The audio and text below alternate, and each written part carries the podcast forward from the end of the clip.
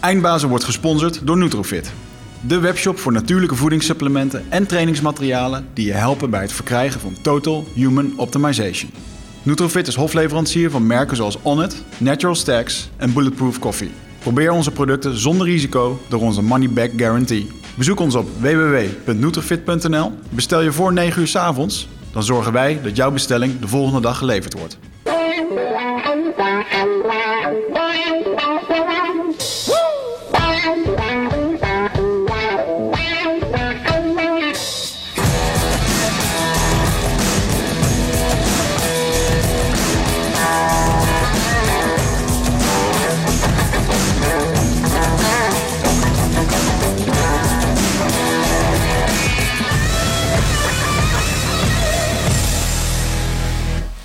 Now I'm in the light. Oh, oh, oh. Ja, dat moet natuurlijk wel met heroic backlight zijn. Ja. Zo, jongen. Ja, zeg dat wel. ben je moe, jongen? Ja, afgemat, afgepeigerd en eh, ik ben er voorlopig even helemaal klaar mee. Waarmee? Wat Nee. heb je in godsnaam uitgespookt? Ja, we hebben twee weekenden ceremonies gehad. De eerste keer dat ik het zelf mocht organiseren. Retretes. Ja, man. En eh, ja, wat kan ik zeggen? Wauw. Ehm, twee keer drie dagen eh, laden healing en eh, veel gelukkige mensen. Ja, ja ik, ik ben er natuurlijk eh, de eerste dag bij geweest. Allereerst, wat me opviel, wat een vette locatie heb je gevonden, jongen. Ja, die is geheim overigens. Ja, dat snap ik. Maar ehm, hoe kwam je hier zo uh, verzeild? Mm, ik ging een beetje rondvragen voor locaties. En toen heb ik iemand gesproken die eraan had zitten denken om deze locatie te kopen. Ehm, want het stond te kopen heel lang. Ja. En toen eh, heb ik daarin gemaild en dan hadden ze ook nog plek. En toen heb ik de nieuwe eigenaren leren kennen. En die eh, ja, een goed gesprek mee gehad of dat dit er wel kon bij hun. En, Wat, wat deden ze hiervoor? Wat werd hiervoor georganiseerd? Want het leek bijna wel gemaakt voor ayahuasca-ceremonies. ja, het is gewoon een spiritueel centrum. Dus je kunt daar van alles doen. Voor yoga, tantra, retreats, eh, meditatie, whatever. Ja. Maar ja, super mooi, lekker in de natuur. Groen, Eh, alles is aanwezig en ehm, genoeg slaapruimte ook. Vond ik ook belangrijk om. ehm, ja, ik heb natuurlijk veel ceremonies in Nederland gezien en ik vond het niet altijd ehm, goed of relaxed. Of, eh, Ik weet nog wel dat de eerste keer toen moesten we in de zaal blijven slapen Mm. met echt 25 mensen. hmm. Ja, Ja, ja, ik snap het vanuit het eh, perspectief van een retreat wel, maar ik vond, vond het niet altijd even leuk. Ja, ja, ja. ja. Eh, ja, voor- en nadelen. Kijk, dan eh, een locatie met slaapplekken is natuurlijk duurder. Ja, ja dat Dus het is vaak ook vanuit organisatie-oogpunt een, een geldding. Ehm Maar het was een mooi man en je kon er vuurtjes bouwen en zo. Dat is ook leuk. Ja, Dus, het was eh, super relaxed. Dus ja. ja. nou, natuurlijk eh, lang naartoe gewerkt. In de zin van, eh, ik ben een half jaar bezig geweest om, eh om Isha rond te laten reizen in Europa. En eh, dat, is een, eh, dat heb ik, heb ik ja, daar moet ik wel een beetje op terugkomen. Heb ik wel een beetje op gekeken. Dat is veel werk. Ja, Eh, er zit veel, eh, bij iedereen, zelfs de mensen die Portugees zitten, zitten veel eh, taalbarrières tussen. Veel eh, misunderstandings en, en dingetjes die gewoon eh, anders zijn in hun cultuur. ja. Ehm, en je moet er toch voor, ehm, ja, je moet er toch voor zorgen. Dat is Weet je, een dat, groot verschil met westelijke zeg maar, kortdaadheid als het gaat om tijd en afspraken. Of viel dat wel mee? Eh, ja, ja, tijd bestaat daar niet echt natuurlijk. Nee? En ja, joh, bijvoorbeeld eh, ehm, moeilijk gaan lopen doen over percentages of dingetjes of berekeningen en zo. Ja, eh, wiskunde bestaat ook niet echt daar. Mhm. Ehm, dus ja, ehm, en natuurlijk is het zo dat de vrouwen daar gewoon heel erg zorgen voor de mannen. Ja. Oh, dat, Dus- ja, dat heb je wel gemerkt? Ja, dus in zijn cultuur wo- er wordt er eigenlijk niet gevraagd om eten. Of dat ze kleren gewassen worden gedaan. Dus hij vraagt ook niks. Hij gaat ervan uit dat het gebeurt. Eh, ja, het maakt hem ook niet heel erg veel uit. Ja, wel, je maakt het wel, maar het maakt hem natuurlijk wel uit. Want als je honger hebt, heb je honger. Mhm. Maar eh, dan zit er toch iets in dat eh, ja, als je nooit echt vraagt, dan. en je komt in één keer hier, dan zit er toch iets in wat in één keer zorgt dat hij gewoon niks vraagt. En dan heb je Mhm. gewoon een hele honger. Ja. ja, dat snap ik. Als je nu terugkijkt op het, op het organiseren, wat is de grootste geleerde les daar? Wat zou je de volgende keer echt anders doen? Nou, ik moet het zo zien. Ik heb natuurlijk eh, gecoördineerd voor allerlei Europese facilitators. En ehm, ben er wel achter gekomen dat eh, een hoop facilitators geen kaas hebben gegeten van eh, ceremonies organiseren. Hmm. Want kort en breed, we zijn allemaal goed werk aan het doen. En het is fijn om samen te zijn met Isha. En een hoop mensen kennen hem vanuit het, vanuit het bos. Maar de kern blijft wel dat deze man aan het rondreizen is om geld te verdienen. Ja. Om dingen te kunnen doen voor projecten, of voor zijn eigen dorp of wat dan ook. En ehm, ehm, ik heb een aantal mensen wel heel erg eh, achter een vol aangezeten. Ehm, om dit anders in te steken. Hè? Mhm. Dus op het moment dat jij zegt... eh, ik had bijvoorbeeld toen ik het aankondigde, de ceremonie... had ik meer dan 50 aanmeldingen. Ja. En dan kan je zeggen, oh, het wordt een succes. Maar 50 aanmeldingen zijn nog geen betalende klanten. Nee. Vervolgens moet men gaan betalen. Dan zit je week achter het geld aan. En zo zie zie ik dat dus heel veel gebeuren. Dat heel veel facilitators eh, goede intenties hebben, graag willen helpen. En een week van tevoren eh, aankomen zetten van ja, er- komt in één keer de helft minder. Mhm. Nou, dat soort dingen kan je gewoon voorkomen door eh, ja, gewoon goed management Ja, of, of voeren. anders in, in te richten. Wat die denk, mensen misschien Ja. nooit aan gedacht hebben. Als ik dat beluister, denk ik... hé, maar je kan toch ook gewoon digitaal tickets verkopen? Ja, maar dus ook gewoon, dan kom je dus in het, in het spectrum waar, waar ik inderdaad dit soort dingen heb gemeld. Van jongens, vooraf geld vragen. Mhm. Dat mensen daadwerkelijk bang zijn om, eh, om geld te vragen vooraf. Ja. Er zit een angst in, ja, maar dat willen we niet. En het is spiritueel werk. Ja, klopt, het is heel spiritueel werk. Maar er is ook een, eh, een andere reden waarom dit moet gebeuren. Dus Mhm. eh, puur zang, heel erg organisa- organisationeel en, en zakelijk. ja. Moet je hier ook gewoon zo naar kijken. En ja, daar, daar hebben we wel veel van geleerd als team zijn, wat volgend jaar anders is. En, nee, ik heb er weer op gekeken dat je sommige mensen niet kan verwachten dat ze het op mijn manier doen. Ehm, dus daar moeten ze de volgende keer in gestuurd worden. De volgende keer moet er dus een protocol zijn over hoe we werken. En Ja. mag je dat niet meer vrijlaten. En in dat opzicht ben je natuurlijk wel een redelijk unieke combinatie van talenten. Hè? Het- ik weet niet of, het, of ik nou een voordeel heb ten opzichte van de mensen die een beetje in het spirituele vlak verkeren. Ze lijken me over het algemeen niet heel erg goed in organiseren van zichzelf. Nee. Of eh, dat soort dingen op de rit zetten. Ik weet niet waarom dat in zit. Het is denk ik het vrijblijvende en het losse. En het, ik weet niet, maar dat kan een vooroordeel zijn. Ja. Eh, maar jij hebt dat wel in je. Dus misschien is dat ook wel heel erg goed dat je dat nu Mm. een beetje introduceert in dat soort... eh, ja, Ja, misschien wilde ik dat wat te snel. En daardoor eh, geeft dat ook wrijvingen bij de groep. En eh, dan krijg je een beetje... ja, mensen zijn dat in één keer niet gewend. Er zit in één keer een, een pitbull achter die, die om dingen vraagt. Mhm. Waarvan je niet om werd gevraagd. En die dingen stom vindt als het niet geregeld is. Ja, Ja. en... eh, ja, weet je, en, en heel grappig dat eh, ik heb dan bijvoorbeeld mijn ceremonies georganiseerd. En eh, het laatste waar ik dan aan denk is dat er genoeg wc-papier is en dat soort huishoudelijke dingen. Daar ben ik Ja. er helemaal overheen gekeken. En dat zijn weer de steken die ik dan laat vallen en zo. Maar nee, maar weet je, uiteindelijk doe je dit natuurlijk met z'n allen samen. En het is, eh, het is best wel wat man om iemand anders eh, eh, even over te halen dit soort werk te doen. Want het is Mhm. super serieus werk en het gaat met een hoop begeleiders gepaard. En mensen, emoties en dingen. Ehm, maar goed, mij was gevraagd om dit te coördineren dit jaar. Dus dat heb ik gedaan. En ja, volgend jaar wil ik daar gewoon weer mee, mee helpen. Ehm, en ik vond het fantastisch, man. Ik bedoel, het zijn niet alleen maar die ceremonies. Het was ook gewoon eh, het zijn met Isha. Weet je, alle dingen die hij me geleerd heeft. eh, eh, de, de lezingen die we hebben gegeven.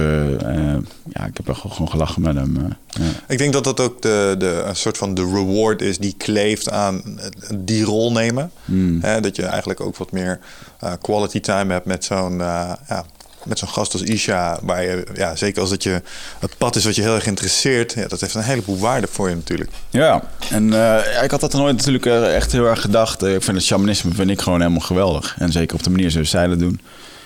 Dus dat is een leerschool die is oneindig. En ik had de eerste ceremonies... Ik heb hem toen opgehaald in Ibiza.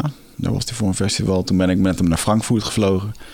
Daar hadden we de eerste ceremonies. En ik denk, nou ja, ik mocht hem assisteren. En eh, ik denk, ja, dat eh, is licht ondersteunend werk. Je mag een beetje de rap in je pijp aangeven en kaarsen aansteken en dat soort dingen. En, maar hij zei eigenlijk, vanavond ben je gewoon een, pagé. En dat is een Uniqueen taal voor een shamaan. En het medicijn gaat je erbij helpen.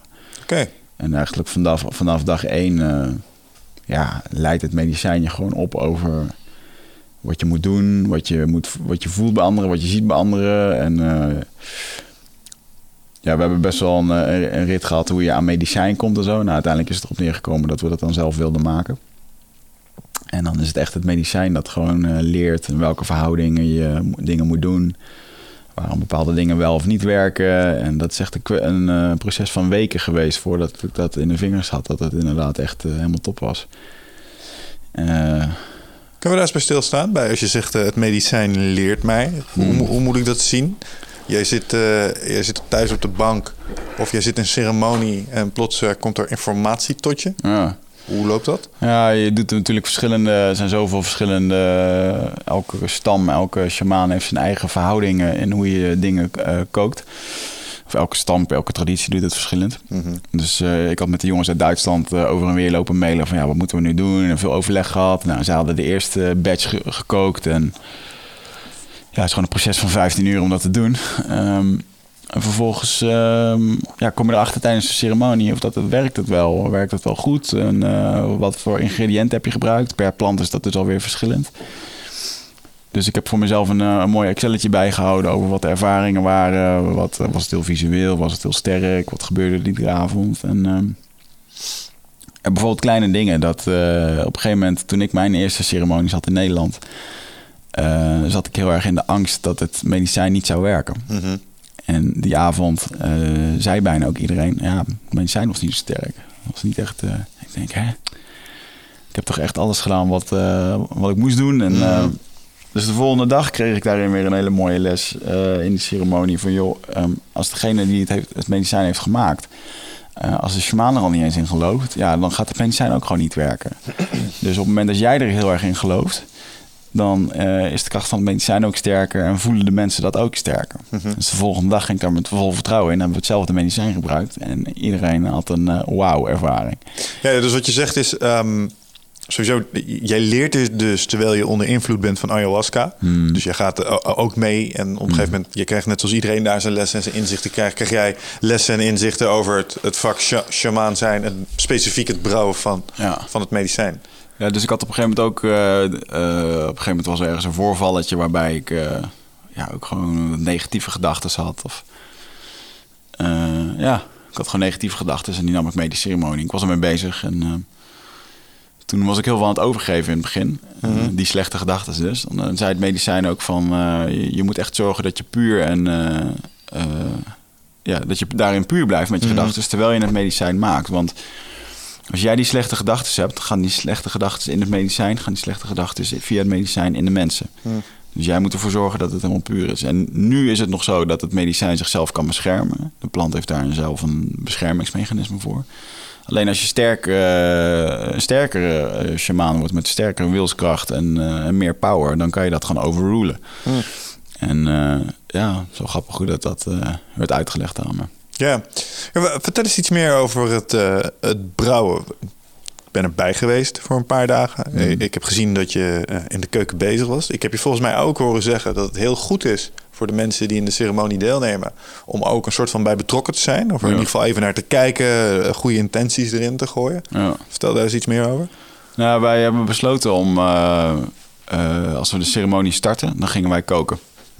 Dus tijdens de ceremonie eh, ehm, ja, gingen we iedere keer dat medicijn wisselen. En eh, je hebt dan een hele grote pan. Daar gaat een aantal kilo van, het, eh, van de spullen in. Dus je hebt de kapi-plant en de chacruna. Je maakt verschillende lagen. En die verschillende lagen die zijn ervoor om continu de geest opnieuw, het medicijn opnieuw tot je te laten komen. En je merkt ook vaak in, in ayahuasca dat je meerdere hoofdstukken hebt waar je doorheen gaat. Ja. Meerdere fases. En dat, is eigenlijk, dat zijn de verschillende lagen. Zo heeft Isha mij dat uitgelegd. Ehm, maar het is natuurlijk gewoon het betrokkenheid bij dat medicijn en het respect. En eh, je merkt ook bijvoorbeeld dat in het begin van zijn er een hoop nieuwelingen op zo'n ceremonie die denken, ja, we gaan hier gewoon het medicijn drinken en doen en la la la. Maar je merkt dan na drie dagen dat men eh, diep, diep respect en dankbaarheid heeft voor dat drankje. Weet je? En eh, dan is het niet meer gewoon even dat drankje, dan is het echt iets heiligs. En dat is wel mooi. Ehm, en daarom is het ook gewoon goed om daarbij betrokken te zijn, om, eh, om te zien wat ermee gebeurt. En ja, mensen vinden het ook fijn om hun intenties erbij uit te spreken. Of in de tradities in de jungle wordt er dagenlang gezongen als ze dit maken. Ze hadden het erover, dan maken ze gewoon. Wat waren ze toen aan het doen? Zijn ze vier, in, eh, in februari is er ergens een evenement dat Isha gevraagd of ik mee wilde komen, ergens in eh Florinapolis. Eh, dan zijn ze vier dagen lang aan het koken en dan maken ze ongeveer 600 liter. 600 liter Ja, ayahuasca. voor het hele jaar wordt gewoon alles geoogst en gedaan. En, Even om mijn bedrijfseconomische fetish te bevredigen. Hoeveel liter gaat er doorheen op een avond? Met hoeveel mensen had je er zitten? Ja, ik had nu ik had best wel een sterk medicijn. Eh, plus minus 30 tot 35 mensen. Verschil even per avond. Ehm, kwamen we uit met 3 liter. En dat is best wel... eh, dus je pakt ongeveer per kopje 40 milliliter. Eh, nou, je hebt dan de eerste en de tweede ronde. Maar we hebben dit medicijn, joh. Sommige mensen sloegen de tweede ronde al over, laten staan de derde. En ja, je kan dus ook een extract maken waarbij je iedereen eh 20 milliliter geeft. Mhm. Gewoon een, een vinger van het spul en eh, you're off to the moon. Ja, oké. Oh shit, man. Dus met, één- oké, met 1 liter kun je 10 personen doen. Als je 600 liter hebt. Ja. Nou, moet je je voorstellen dat je dus een kerk hebt in Florianapels waar gewoon 400 man zitten. Ja. En Ze gaan, gaat- maar over, dan gaat er gaat een ceremonie plaatsvinden met 400 mensen Nou, tegelijkertijd. dat gebeurt dan. Hè? Ik bedoel, eh, die 600 liter wordt dan gemaakt en dat is dan gewoon, eh, dan hoeven ze dat. Dus die gaan niet iedere week dat medicijn apart zitten koken. Nee. Dus oh, oké. Nee, keer. ik dacht even dat er een soort, eh, zeg maar, mega ceremonie waarbij 400 mensen tegelijkertijd eh, Hmm. aan de ayahuasca zouden gaan. Ja? Tegelijk, Ja, daar. ja, dat kan. Het lijkt me echt heel heftig. Ja, ja. Maar als dat gewoon een community is en een levensstijl, dan... eh, Ja, aan de andere kant moet je afvragen of die mensen een beetje hetzelfde zoals jouw verhaal met het bos, of die zulke heftige en uh, purgende ervaringen hebben. ja, als- ik zag, in het bos zag ik niemand overgeven. Ja, precies, je? dat bedoel ik, ja. Dus eh, Hm. Ja, oké, check, ja, gotcha. dat is anders, anders inderdaad. Hey, maar dan, eh, dan, dan de ceremonie zelf. Ik heb er natuurlijk eh, een, eh, hele nacht eh, meegemaakt. Ja. Is echt super fascinerend om te zien. Eh, met name ook om eens eh, naast... Ik, ik had het voorrecht om een beetje naast je helpers te mogen zitten... zodat ik ook eens met een schuin oog kon kijken wat er allemaal gebeurde. Waar ik me heel erg afvraag... ehm, hoe zit het met het altaar in het midden? Mm. Ik, ik zie daar op een gegeven moment, eh, aan het begin van de zaal, je moet je voorstellen, je hebt weer zo'n eh, zo'n zaaltje en er liggen allemaal matrassen aan de kant en je hebt de emmertjes en de toiletrollen. En dan in het midden staan er een paar mooie bloemen en er staat een soort ja, tafeltje en er worden allemaal dingetjes opgezet. Ja. En, en er lopen de hele tijd mensen omheen en die zijn dingetjes aan het verzetten of die zetten dingetjes bij. Wat is dat? Eh, nou, dat zijn, er staan natuurlijk elementen omheen. Hè? Alle elementen van de natuur, vuur, hout, schelpen, dat soort dingen. En eh, de altaar is ook de centrale plek waar eh, eh, de shamaan, Isha in dit geval, vanuit dat punt is hij ook met energiewerk bezig. Dus niemand mag ook dat altaar kruisen. Je komt er altijd via een omweg heen. En ehm, eh, ja, dat is iets energetisch. Iets waar alles gebeurt. En ehm, Een soort focuspunt. ja, je merkt ook wel dat als er dus geen altaar is, dan lijkt het een beetje een soort van leegheid in de ruimte. Of niet een, is het toch niet helemaal compleet. Mhm. Eh, dus al die ele- natuurelementen liggen daar. En eh, goed, daar kunnen mensen even heen om een glaasje water te pakken of andere dingen. Ja. En dat is eigenlijk wat het, eh, ja, wat Ja. het doet. En die kleedjes, want ehm, je moet je voorstellen, ik zit naast een, een van je helpers en ik kijk zo schuin en ik zie, ze, ze heeft een, ze heeft een soort kleed Mm. voor zich liggen met allemaal patronen erop. Ja. En daar liggen kristallen op, maar ook andere dingetjes, veren, Mhm. Aanstekers. Mhm. En het, eh, ja, het zijn een soort van eh, tokens, trinkets, ik weet niet, maar, maar wat is het doel daarvan? Ja, dat zijn toch de tools van de mensen die daar gewoon zitten. En, ehm, Tools? eh, tools, de... Tool suggereert functie. Nou, de, ja, inderdaad, van gereedschappen waarmee je werkt. Diegene die doet schijnbaar wat in het shamanisme en die vindt het fijn om met bepaalde muziekinstrumenten te werken. Of met, die heeft de eigen rapé-pijp of de eigen medicijn of de eigen eh, olietjes of andere dingen. En dus iedereen heeft gewoon een beetje zijn eigen dingen waar ze graag mee werken. Ja. En eh, dat leggen ze dan op die kleedjes vaak, ja. Ja, want jij hebt ook instrumenten. Ik heb jou met een veer en met eh eh, Hmm. sali volgens mij zien lopen. Of Ja, wat veel heilig van die hout. kopal, heilig hout, dat soort dingen, ja. Ja, dat, dat kun je dus zien als een instrument. Ja, en dat is die. ja, dat is wel, mooi. Dat is wel mooi. Ik had een paar veren gepakt. Ik had een, een, een tooi gekocht van. Eh moet ik even kijken hoor. Ash- Ashinka-Indianen volgens mij in eh, Brazilië. En die veren die. eh, die, die heb ik daarvan afgepakt. En dat het zijn eigenlijk gewoon drie veren die gewoon drie langs elkaar eh, steken, zeg maar. Dus daar kun je ook mee wapperen als het ware. Mhm. En eh, tijdens een ayahuasca-ceremonie in Duitsland heeft Isha die veren, die pakte die op een gegeven moment. En toen zei hij van, ik ga, ik ga deze veren nu eh, in, inwijden. En ik ben me er helemaal van bewust dat je ehm, eh, onder de ayahuasca zit en dat je dingen waarneemt die je normaal niet zit. En Mm. eh, op een gegeven moment, eh, hij zit gewoon heel rustig voor met die, met die veer te wappen. En hij, ik denk dat hij een kwartier lang tegen die veer heeft lopen praten. Het was een beetje op het randje van een soort van praten, zingen-achtig iets. Mhm. En eh, terwijl ik er naar zat te kijken, eh, weet je nog dat je vroeger van die grote televisiebeeldschermen had als je zat aan de computer en dan liep hij een keertje vast, dat heel je scherm zo pff, Ja. door elkaar zat. Dat zag ik tussen hem en die veer gebeuren. Eh, alsof hij er echt iets op het imprinten was.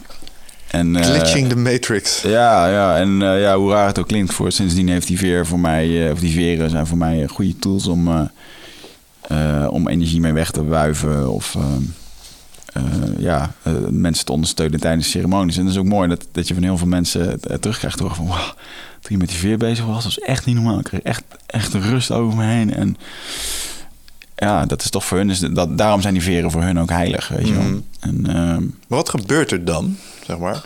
ja, je gebruikt het, de, de kracht van, van, van het beest wat erin zit. Hmm. Van, de, van de papegaai of van, de, van andere vogels. En eh, En wat Ja. doe je ermee als iemand bijvoorbeeld slecht zit te gaan? Want je Ja. hebt het over dingen wegwuiven, dingen wegpoetsen, heb ik je ook wel zo zeggen. ja, het ligt eraan heel erg wat je ziet zijn. Want het medicijn heeft mij dus ook heel erg laten zien... ehm, hoe je het... Iedere sessie is het dan ook wel weer, weer anders. Ik merk nu wel een beetje dat het, het medicijn leidt me op... ehm, om niet meer als patiënt daar te liggen, maar als eh eh, zijnde eh, heler. Hè? Dus, Mhm. dat je, dus je krijgt ook hele andere dingen te zien. Ik bedoel, ehm, ik heb sessies gehad waarbij ik volledig in iemand zijn energie kon kijken. En gewoon, eh, als iemand heel goed zat, dan was het echt een grotere donkere wolk die om hem heen lag, eh, hing. Als het niet goed ging, dan was het heel licht achter. Eh, soms zag ik complete energiesystemen. Of eh, eh, ja, er is zelfs één avond geweest waarbij ik gewoon geesten en dingen om mensen heen zag. Mhm. Ehm, wat mij niet losliet was dat wat je vertelde over een soort van schuin achter iemand kunnen terugkijken in zijn, in zijn familielijn, zeg maar. Ja. In, in al zijn events en zeg maar het deterministische pad wat hij heeft afgelegd, waardoor hij nu hier staat, Hmm. zeg maar. Ik had in, tijdens mijn dieet in, eh, in de jungle, toen eh, heeft het medicijn me ooit een keertje de opdracht gegeven van de volgende keer als je samen met Isha een ceremonie doet, dan moet je vragen of dat iets bij jou wil activeren, zodat je meer kan gaan zien. Meer energie of eh, ja, dingen. Eh, vervolgens zat Isha vast met een vliegtuig en heb ik hem nooit meer eh, gezien voor een ceremonie samen. Mhm. Eh, dus toen dacht ik van nou, dat ga ik nu vragen of te doen. hij heeft toen een paar dingen bij me gedaan. Hij deed toen op mijn rug en op mijn, op mijn borst. pakte hij wat dingen vast en hij deed wat. I don't know what. En in één keer begon ik gewoon heel veel dingen te zien. Als ik gewoon in iemand keek, zag ik gewoon een compleet klokkenspel met allemaal tandwielen en dingetjes. En eh, achter hem zag ik dan eh, hele eh, lijnen met voorouders en voorvaderen als soort witte, witte engelen eromheen. Hmm. En als ik daarin keek, dan kon ik gewoon precies zien van... hé, hey, dit is Michel, dit is het pad wat je hebt gekozen. Je komt daar en daar vandaan en dit is exact wie je bent. Hmm. Interesting, man. Ja, was heel, was heel erg visueel. En ehm, eh, dat was dus dan hetgeen wat hij dan heeft geactiveerd, denk ik, op dat moment. Ehm, en het was heel erg interessant om dan gewoon eens eh, in iemand te kunnen kijken... en eh, ja, echt te, kijken, echt te begrijpen waar hij vandaan komt. Ja. Eh, en ja, soms dan zie je dus inderdaad als mensen heel erg in gedachten zitten of in negatieve dingen, dan zie je gewoon letterlijk een. weet je nog die film, die serie Lost? Dat er zo'n donkere rook Ja, over dat ja, eiland heen ging. Ja, die donkere rook die zit gewoon om, iemands- om, om iemands hoofd heen. En dat is dan dus gewoon heel simpel wat je wegwuift met bijvoorbeeld zo'n veer. ja. Is dat ook wat ehm, holding the room is? Iets waar je altijd, ehm, of altijd wat je vaak hoort. Mm. Als je, dan hebben ze het over shamanen. En eh, ja, hij is goed in de kamer houden. Of eh, als, als hij de kamer houdt, Ja. dan voel je gewoon de kracht van hem af. eh, Holding the komen. space, Ja. ja. Wat is dat en, en hoe doe je dat? Ja, kijk, uiteindelijk is het de grootste verantwoordelijkheid eh, die je hebt met het organiseren van dit soort dingen, is dat men zich veilig voelt. Eh, en ondanks dat het heel erg pittig kan zijn, dat, eh, dat men eh, ja, in een veilige omgeving zit. En dat kan je alleen maar doen als je iemand erbij hebt, of een team erbij hebt, die, die zichzelf comfortabel voelt, dat goed op elkaar ingespeeld is. Mhm. Ehm, en waarbij ja, die dit, als, die dit dus ehm, kan coördineren. Je moet het zo zien, er liggen allemaal losse stroomkabels in de zaal. En die kunnen allemaal in, eh, allemaal in één keer afgaan en met elkaar contact maken. En, Ja, ja, ja, ja, ja, ja. en ja, daar moet je eigenlijk een soort geleider voor hebben die dat heel goed kan. En dat heeft er heel erg mee te maken dat je dus eh, eh, dat er genoeg vrouwelijke energie is, dat er genoeg mannelijke energie is. Maar vooral iemand die dus ook eh, eh, ehm, ja, dat ayahuasca, wat het dan ook is, ehm, die dat kent en die dat kan managen. Die dat gewoon een soort van kan coördineren. En dat, ja, dat kan Isha natuurlijk als geen ander. Bedoel, die doet dit nu vanaf zijn, vanaf zijn vijfde, drinkt hij al dat medicijn. En eh, die is nu 48. Ik denk dat hij meer dan 20.000 ceremonies heeft gedaan. Kun je iets meer vertellen over dat coördineren? Hoe moet ik dat voor me zien? Je hebt dus die stroomkabels daar liggen. Mm. Energetisch gezien, iedereen eh, die heeft, eh, die heeft een bepaalde lading. En die zitten natuurlijk allemaal onder de ayahuasca. En op enig moment komen die op de piek van hun high. Mm. En dan kan het of heel emotioneel worden of heel beladen. En, maar in welke rol kan hij daar invloed op uitoefenen dan? Hoe doet hij dat?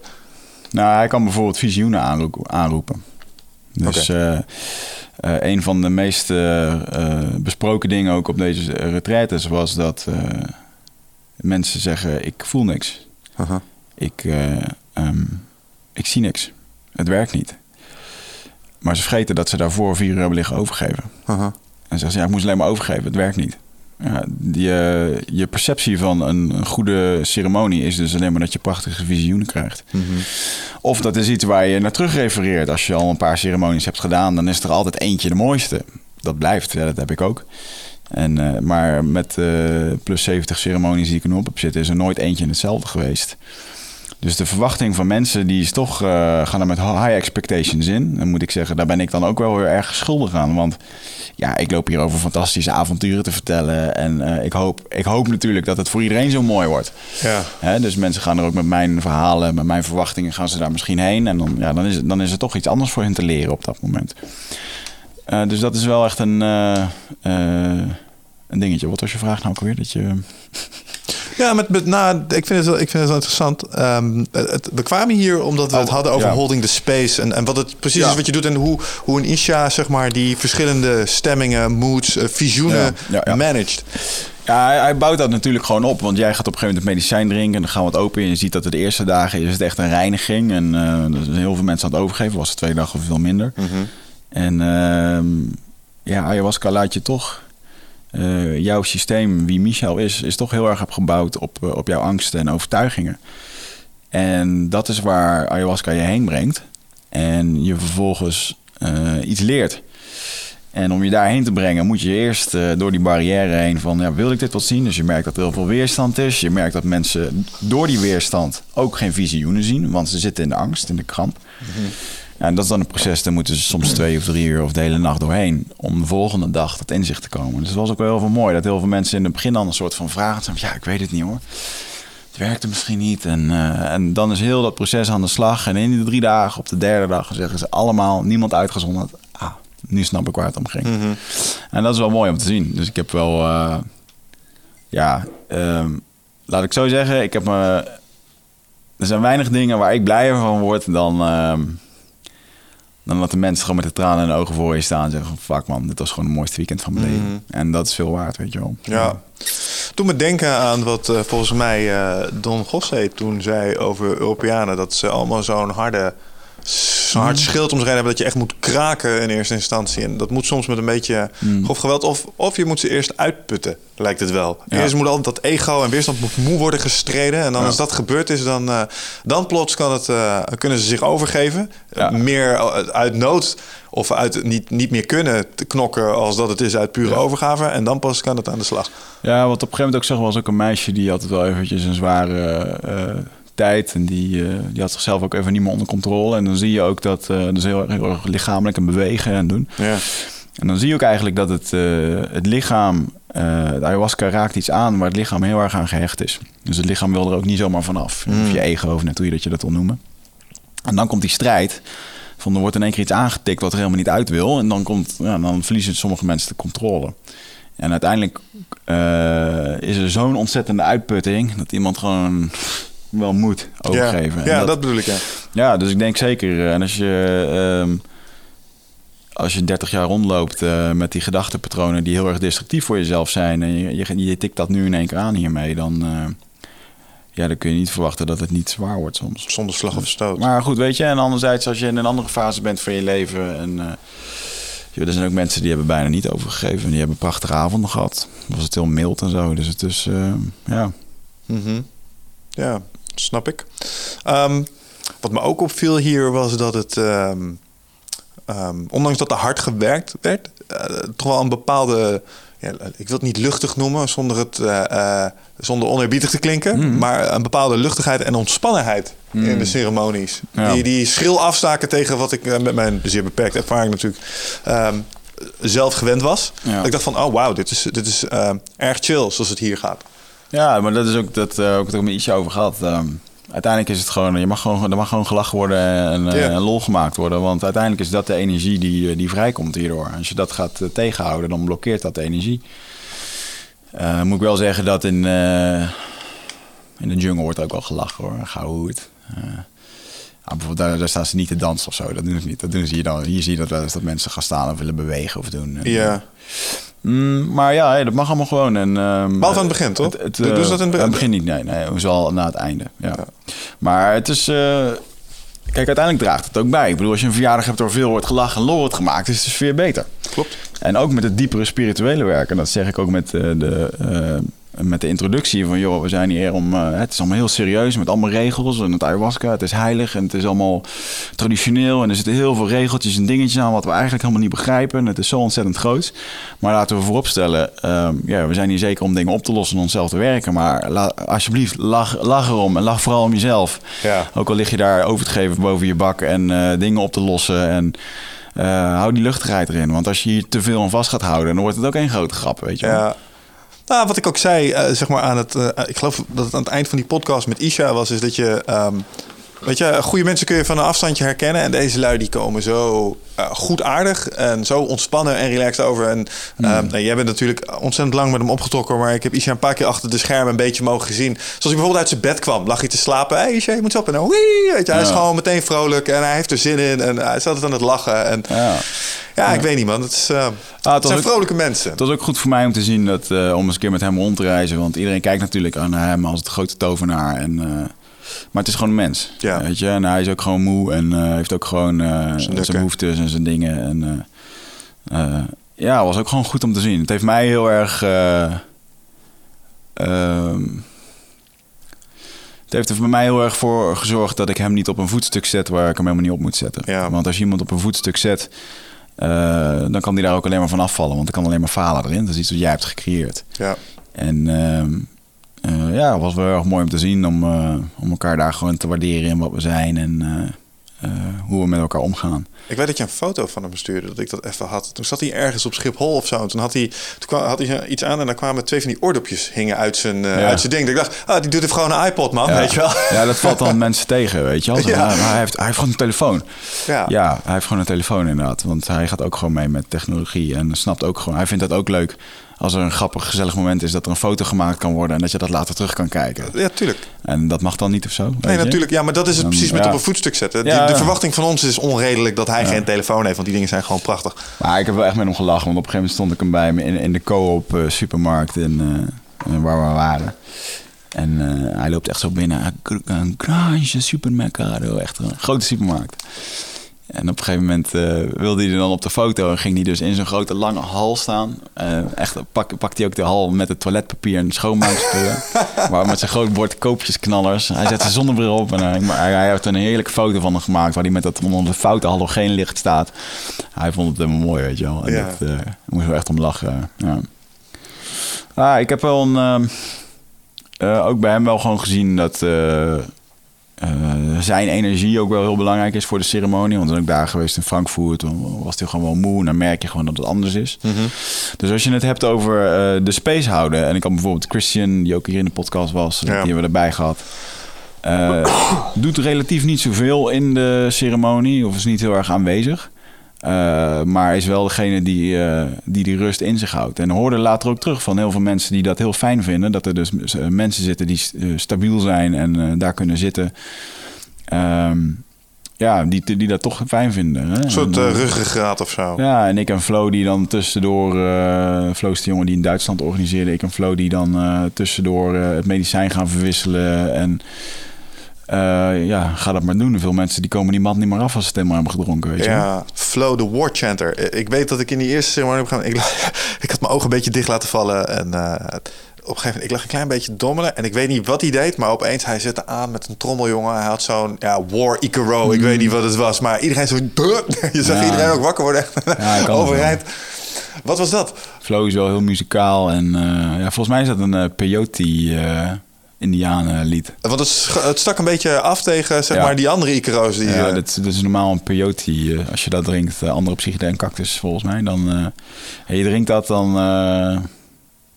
ja, of tenminste, dan hoort dat lied erbij. En dat zijn wel echt van die hele luide Amerikaanse, Amerikaanse Indianen ja. lieden. Maar ah, oké. Ja, maar ik vond het wel gaaf om te zien hoe hij daar ook in evolueerde. Hij is, ook, hij is een DJ en... Uh, Echt waar? Uh, ja, hij heeft dus onwijs gevoel voor muziek. Dus nu kijken hoe dat, hij, hoe dat wij, wij, samen zijn gegroeid in het zingen, in het zingen van de liederen, van die Indianenliederen en zo. Gaat zo super snel. Mm -hmm. En ja, dat is wel gewoon cool. Dus, en ook mooi om te, te zien dat het medicijn je ook opleidt om te, te zingen met wat je doet en het uitlegt wat je, wat je aan het doen bent. En ja, weet je, kijk ernaar uit dat uh, de volgende stap is wel echt dat, ik, uh, uh, dat je zingt en dat je visioenen kan aanroepen bij mensen. Ja. Zijn deze Icaro's nou in dezelfde taal als bijvoorbeeld de dingen die Gino zong? Uh, dat is een grappig iets. Dit is, dit is een, een Icaro die altijd in mijn hoofd is blijven steken van Don José. Ja.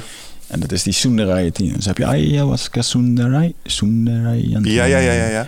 En dat doe je dan, kan je iedere keer een ander onderwerp kiezen. Dus Medicina Sundarai, Sundarai En dat gaat dan maar de hele tijd zo door. Um, het is Peruaans. En, of tenminste, het komt uit Peru, want hij heeft het weer van zijn meester volgens mij. Mm. En toen had ik aan Isha gevraagd van, joh, dat nummer... Dat nummer.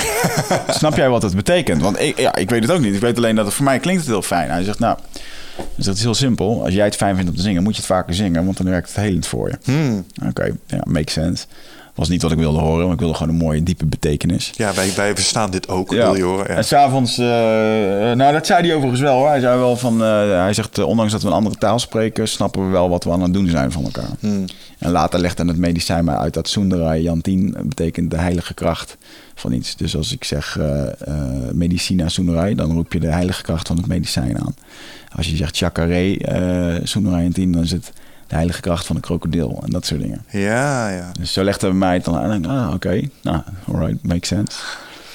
Ja, dat was wel, uh, wel gaaf. Ik heb daar ook wel echt gewoon in, in soort van trance gezeten en uh, indianengeluiden zitten maken, Icaro's die, die ik nog nooit had uitgesproken. Hmm. En dat wordt dan gewoon helemaal, ja, dat gaat gewoon automatisch dan. Dat is wel heel cool. Vet man.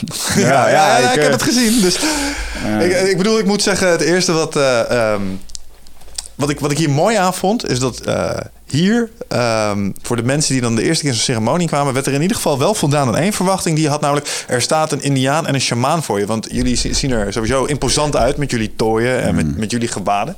Ehm, dat vond ik destijds uh, bij Don José, die kwam in zijn fucking trainingsbroek aanlopen. Um, en dat is niet, niet in eerste instantie wat je ervan verwacht. En dat, dat, dat zat hier wel snor, zullen we zeggen. Ja. Maar het was leuk om je ermee bezig te zien. Al zingend, maar ook als uh, shamaan met, met je veer inderdaad. En, uh, ja, dat lach je wel, man. Ik Ja. heb natuurlijk uh, ik heb niet het volledige retreat meegemaakt. En je hebt nog een paar interessante dingen gedaan. Um, waar ik wel even iets, um, iets nog over wilde weten. En namelijk die personal healings Ja. waar je over vertelde.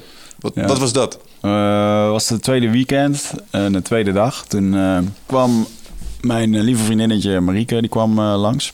En eh, die had gevraagd aan Isha of dat hij wat voor haar kon doen eh, omtrent bescherming. En eh, I don't know, we stonden gewoon open voor wat dat dan ook mocht zijn. Ja. Dus op een gegeven moment riep hij mij en Christian naar voren. En wij stonden midden in de zaal. Ehm, en toen begon hij, ja, dat is bizar man. Dan staat hij gewoon met zijn toy voor, met een onder een grote, hij noemde dat de Golden Eagle Healing. Dan staat hij met zo'n supergrote veer en ja, dan, dan moest iemand vertellen wat zijn intenties was, of waar hij vanaf wilde, of waar hij Mhm. hulp bij wilde. En ehm, dat vertelde Christian dan aan hem. En dan eh, vervolgens zat hij met, eh, ja joh, er zit in die taal te praten. En dan met die veer te werken en te doen. En zit hij ik zie hem echt kijken naar dingen wat hij dan weg aan het vegen is. Mhm. Of, en ehm, op een gegeven moment stond ik daar en ik merkte dat ik eh, bij sommige mensen gewoon wat misselijk werd. Of dat ik in één keer, en toen kreeg ik het in één keer door van dat medicijn. Van oké, ik kan heel goed aanvoelen of dat mensen lekker in de energie zitten. Of dat ze zich fijn voelen. Of, eh, of dat ze op een gemak zijn. En weet je nooit precies wat er is. En nu ging het medicijn mij echt laten zien eh, wat er omging in diegene. Om het echt om te kunnen te helen, zeg maar. Mm. En eh, Ja joh, er komt op een gegeven moment daar een, een, een meisje staan en die pak ik vast. En in twee seconden tijd, alsof een lichtflits me, eh, me aanraakte. Ik moest er bij de schouder pakken en Christian aan de andere kant. En eh, in twee seconden tijd echt een lichtflits. Zo dwars door me heen. En ik zag gewoon in twee seconden tijd een hele levensspannen met alle trauma en eh, een hoop ellende. Hmm. En Isha was dan een, een minuut of drie ongeveer bezig per persoon. En joh, daarna was ik dat gewoon aan het uitspugen van haar. En vervolgens kwam er iemand met een bacterie in zijn lichaam. Wat, wat was je aan het uitspugen dan? Ja, gewoon eh, ellende. Hun ik- ellende. Ik, was een soort van katalysator voor hetgeen wat ik daarin zag.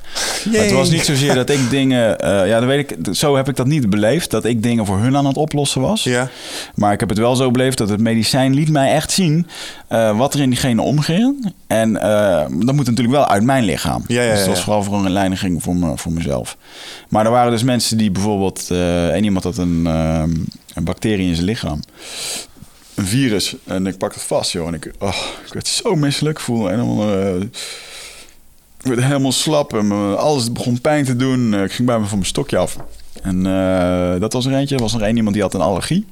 Die pakte ik vast en daar zag ik het ontstaan van die allergie. Zag ik gewoon een soort onwijs eh, stressig moment. Een soort trauma-evenement in iemands leven.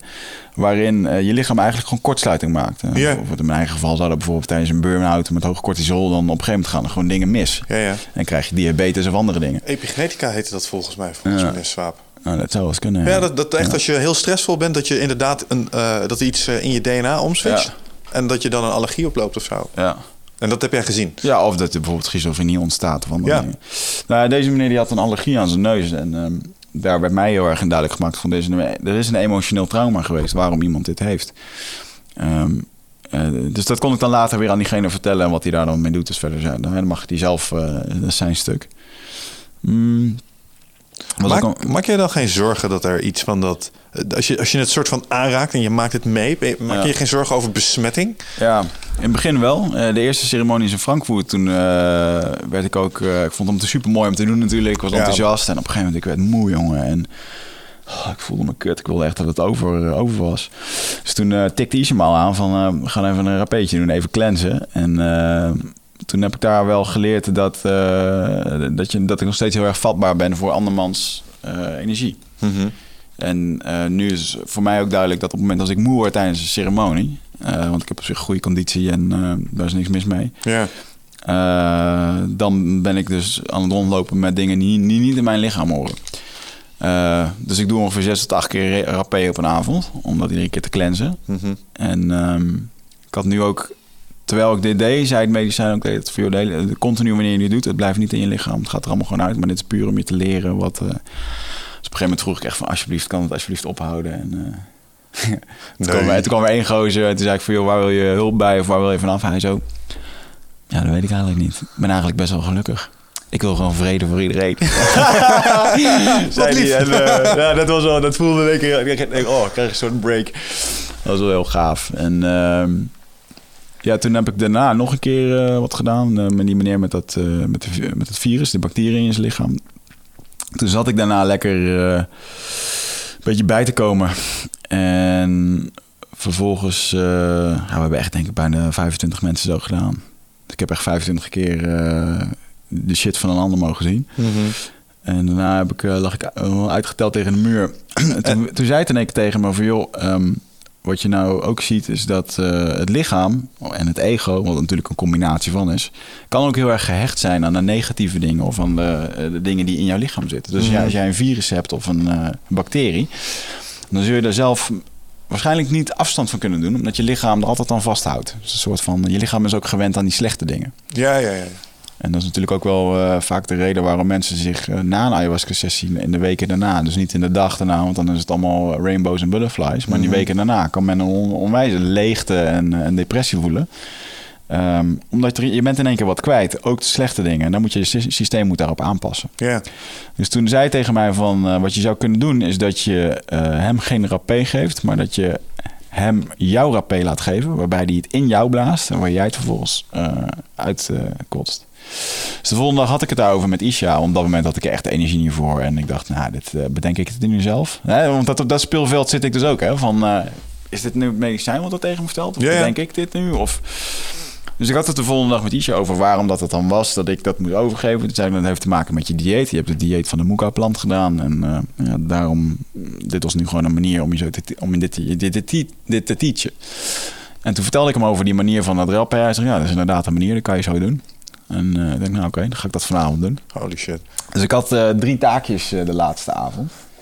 En ik had ook een van mijn vrienden had ik, meegenomen. En ik heb zelf weer een hele mooie ervaring gehad omtrent mijn, mijn vader. Hmm.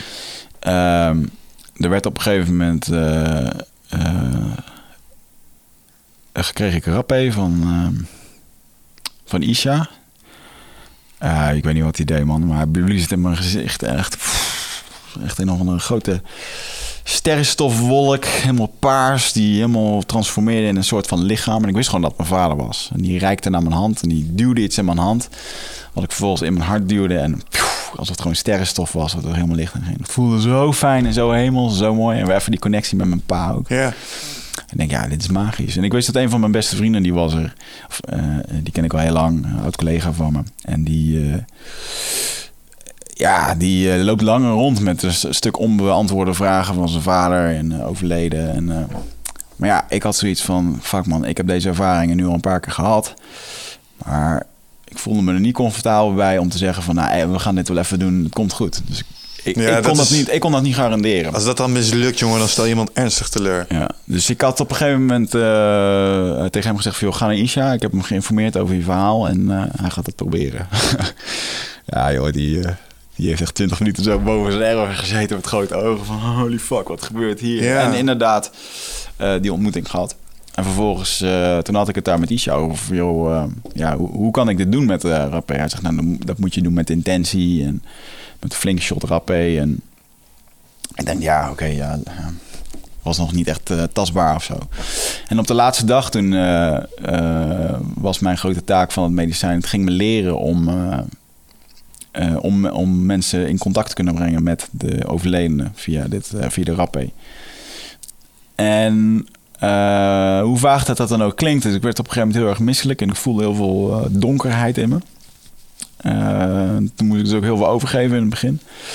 Waarbij het ook zei van als je zelf donkere energie in je hebt, of dat nou van anderen is, of dat je dat, wat het dan ook is, uh, en je gaat iets aanroepen uit de wereld van overledenen, wat het dan ook is in die realm. En uh, nogmaals, weet je, mensen met een dikke disclaimer hieromheen van I don't know what it is either, weet je, of dat mm. het nou gewoon, am I tripping balls? Ja, ik ben ook high as fuck of, uh, natuurlijk. Ben ik high as fuck. Ja. En uh, ja, weet je, wat het dan ook precies is, of hoe dat het ook werkt, uh, I don't know, man.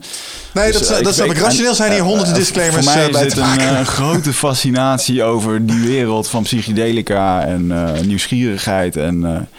maar het gaat om beleving het en gaat perceptie. om beleving en dus, laten we wel, ja. het gaat om het resultaat. Dus uiteindelijk uh, uh, had ik dat overgegeven en toen leerde het me um, alsof je een uh, zo'n muziekmetertje, zo'n uitslag. Wat ja, je op de zo ja. wat helemaal fel wit licht was. En uh, leerde me als het ware dat opladen. Daar om aan te denken. En op een gegeven moment merkte ik gewoon dat ik helemaal vol met een soort van wit licht zat. En er waren twee mensen die tijdens de intentie, en dat is ook mooi hoe dat dan werkt, die zeiden tijdens een intentie van joh, uh, een meisje dat twee jaar geleden, precies twee jaar geleden op die dag was de vader overleden. Mm. En de andere die was de ouders verloren met een auto-ongeluk, alle twee. Oké. Okay. En uh, toen zei het medicijn, je hebt vandaag drie taakjes. Uh, een daarvan is uh, die meneer met die, met die bacterie en die rappé, waarbij jij dat voor hem gaat doen. En, en dit verhaal.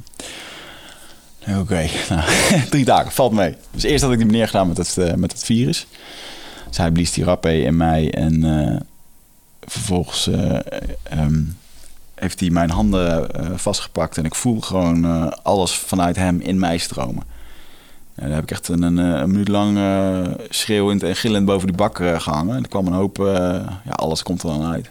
Mm -hmm. En daarna was het ook gewoon klaar. En, en Isha hielp erbij met, stond met zijn zweren erbij te op mijn rug alles. I don't know what he did, but felt good. Ja. Yeah. Um, ja, hij was heftig, man. Uh, dit bewijst ook wel waarom het zo belangrijk is om een goed team te hebben. Uh, als dit, je dus solo shaman ja. bent en dit gebeurt je, ja. dan uh, heb je paniek in de zaal. Ja. ja, en hetzelfde met dat meisje wat dan de controle uh, kwijtraakt over het lichaam. Uh, als je dit toch doet, jongen, op drie ogen achter in Amsterdam met een of andere pannenkoek die goede intenties heeft, die veel met medicijnen heeft gewerkt, maar eigenlijk geen fucking clue heeft, is het echt gevaarlijk. Ja, dat snap ik. En, ehm, maar goed, ja. Maar goed, jij hing boven, schreeuwend boven dus de bak. ik hing boven de bak en dan uiteindelijk, eh, hij voelde dus ook wel dat er wat heel, dat er heel licht energie uit hem ging in mij. En eh, ja, dat voelde goed. Eh, het voelde voor mij ook niet als een erg ding om te doen of zo. Het was gewoon de taak voor die avond. En eh, ja, je bent gewoon mensen aan het helen. En eh, mensen, weet je, als je dit ook niet mee hebt gemaakt... ehm, en je hoort woorden zoals heling en, eh, en dat soort dingen... Dan, dan kan dat best wel raar klinken. En Mhm. er zaten ook heel veel sceptici. Maar al die sceptici die zitten na dag één... of zeker na dag twee... eh, te, te, te- ja te knikken van... eh, nu snappen we het. En nou goed... Ehm, toen kwam de grote taak van, van oké, nu kun je naar hen toe. ehm, je gaat het gewoon voorstellen. En, dus ik had eerst het ene meisje waarvan ik dat eh, zei van joh, eh, medicijn vraag me of ik je in contact wil brengen met je pa. Vind je dit, eh, terwijl je dit allemaal vertelt en, en, en denkt ik ga nu een poort openzetten naar gene zijde, denk je niet, what the fuck am I doing? Is dit wel verstandig om te doen? Of vind je het niet ergens een beetje eng ook? I mean, you're dabbling in shit, weet je wel. Ja, ik, eh, daarbij is dus gewoon een groot vertrouwen in het hele ayahuasca gebeuren. Dat, dat, eh, dat het me- medicijn er voor je is. En Mm. eh, continu is er die balans van hoe wil je dit inzetten? Voor het goede of voor het kwade Maar of die voor checks, jezelf? ze zitten nog wel in je bewustzijn op dat Zeker, moment. ja. oké, check. Ja. En ehm, daarom moest ik dus ook heel veel overgeven. Omdat op het moment dat je zelf die donkere energie in je hebt... dan, ja, dan trek je ook dat donker aan. En dan, dan trek je dat een heel ander, trek je een heel ander blik open. Weet je? Ja, ja, ja. ja. Een ja blik, nou, dat blik dus. wat heel erg over de datum is en wat liever gesloten moet blijven. dus op een gegeven moment, ehm, ik was daarmee, eh ja, ben ik bij haar gaan zitten. En eh, ik zeg ook tegen haar van, joh, concentreer je gewoon op het eh, ontmoeten van je pa. En let's do it. En voor mij was het ook dan met die nieuwe techniek om dat te doen en met die intentie. En ja, dan... ik weet nog dat ik het in haar, bloes, in haar blies. En ik zag wel dat ze echt een heel intens proces had. En ik wist natuurlijk niet of dat het werkte of Ja, niet. ja. En, ik denk, nou ja, weet je, die, dus die zat echt eh, een half uur lang eh, in stilte zo. Maar jij zat tegen en? Nee, en? nee. Eh, dus ik heb dat lekker gelaten en toen ben ik naar die andere gegaan. En die alle twee de ouders heeft verloren. Hmm. En ehm, ja, ik, ik weet nog wel dat dat... eh, ehm, wat daar gebeurde toen ik dat deed. Toen deed ik het met misschien nog wel meer overtuiging en nog meer van oké, let's do this. En die, die zat echt een half uur boven de bak in, de- in de wereld te kijken. Echt gewoon helemaal... En dan... Ja, Isha en die kunnen ook donders goed zien waar iemand zit dan in zo'n moment. Dus als iemand echt, als iemand echt gewoon ehm, veel eh, een bak heling over zich heen krijgt en je ziet dat proces, dan eh, joh, bij sommige mensen kun je gewoon. eh, bij een meisje die zat helemaal in een soort van. eh, zat in het midden van de zaal en die zat te kijken. En ik zag gewoon het hele.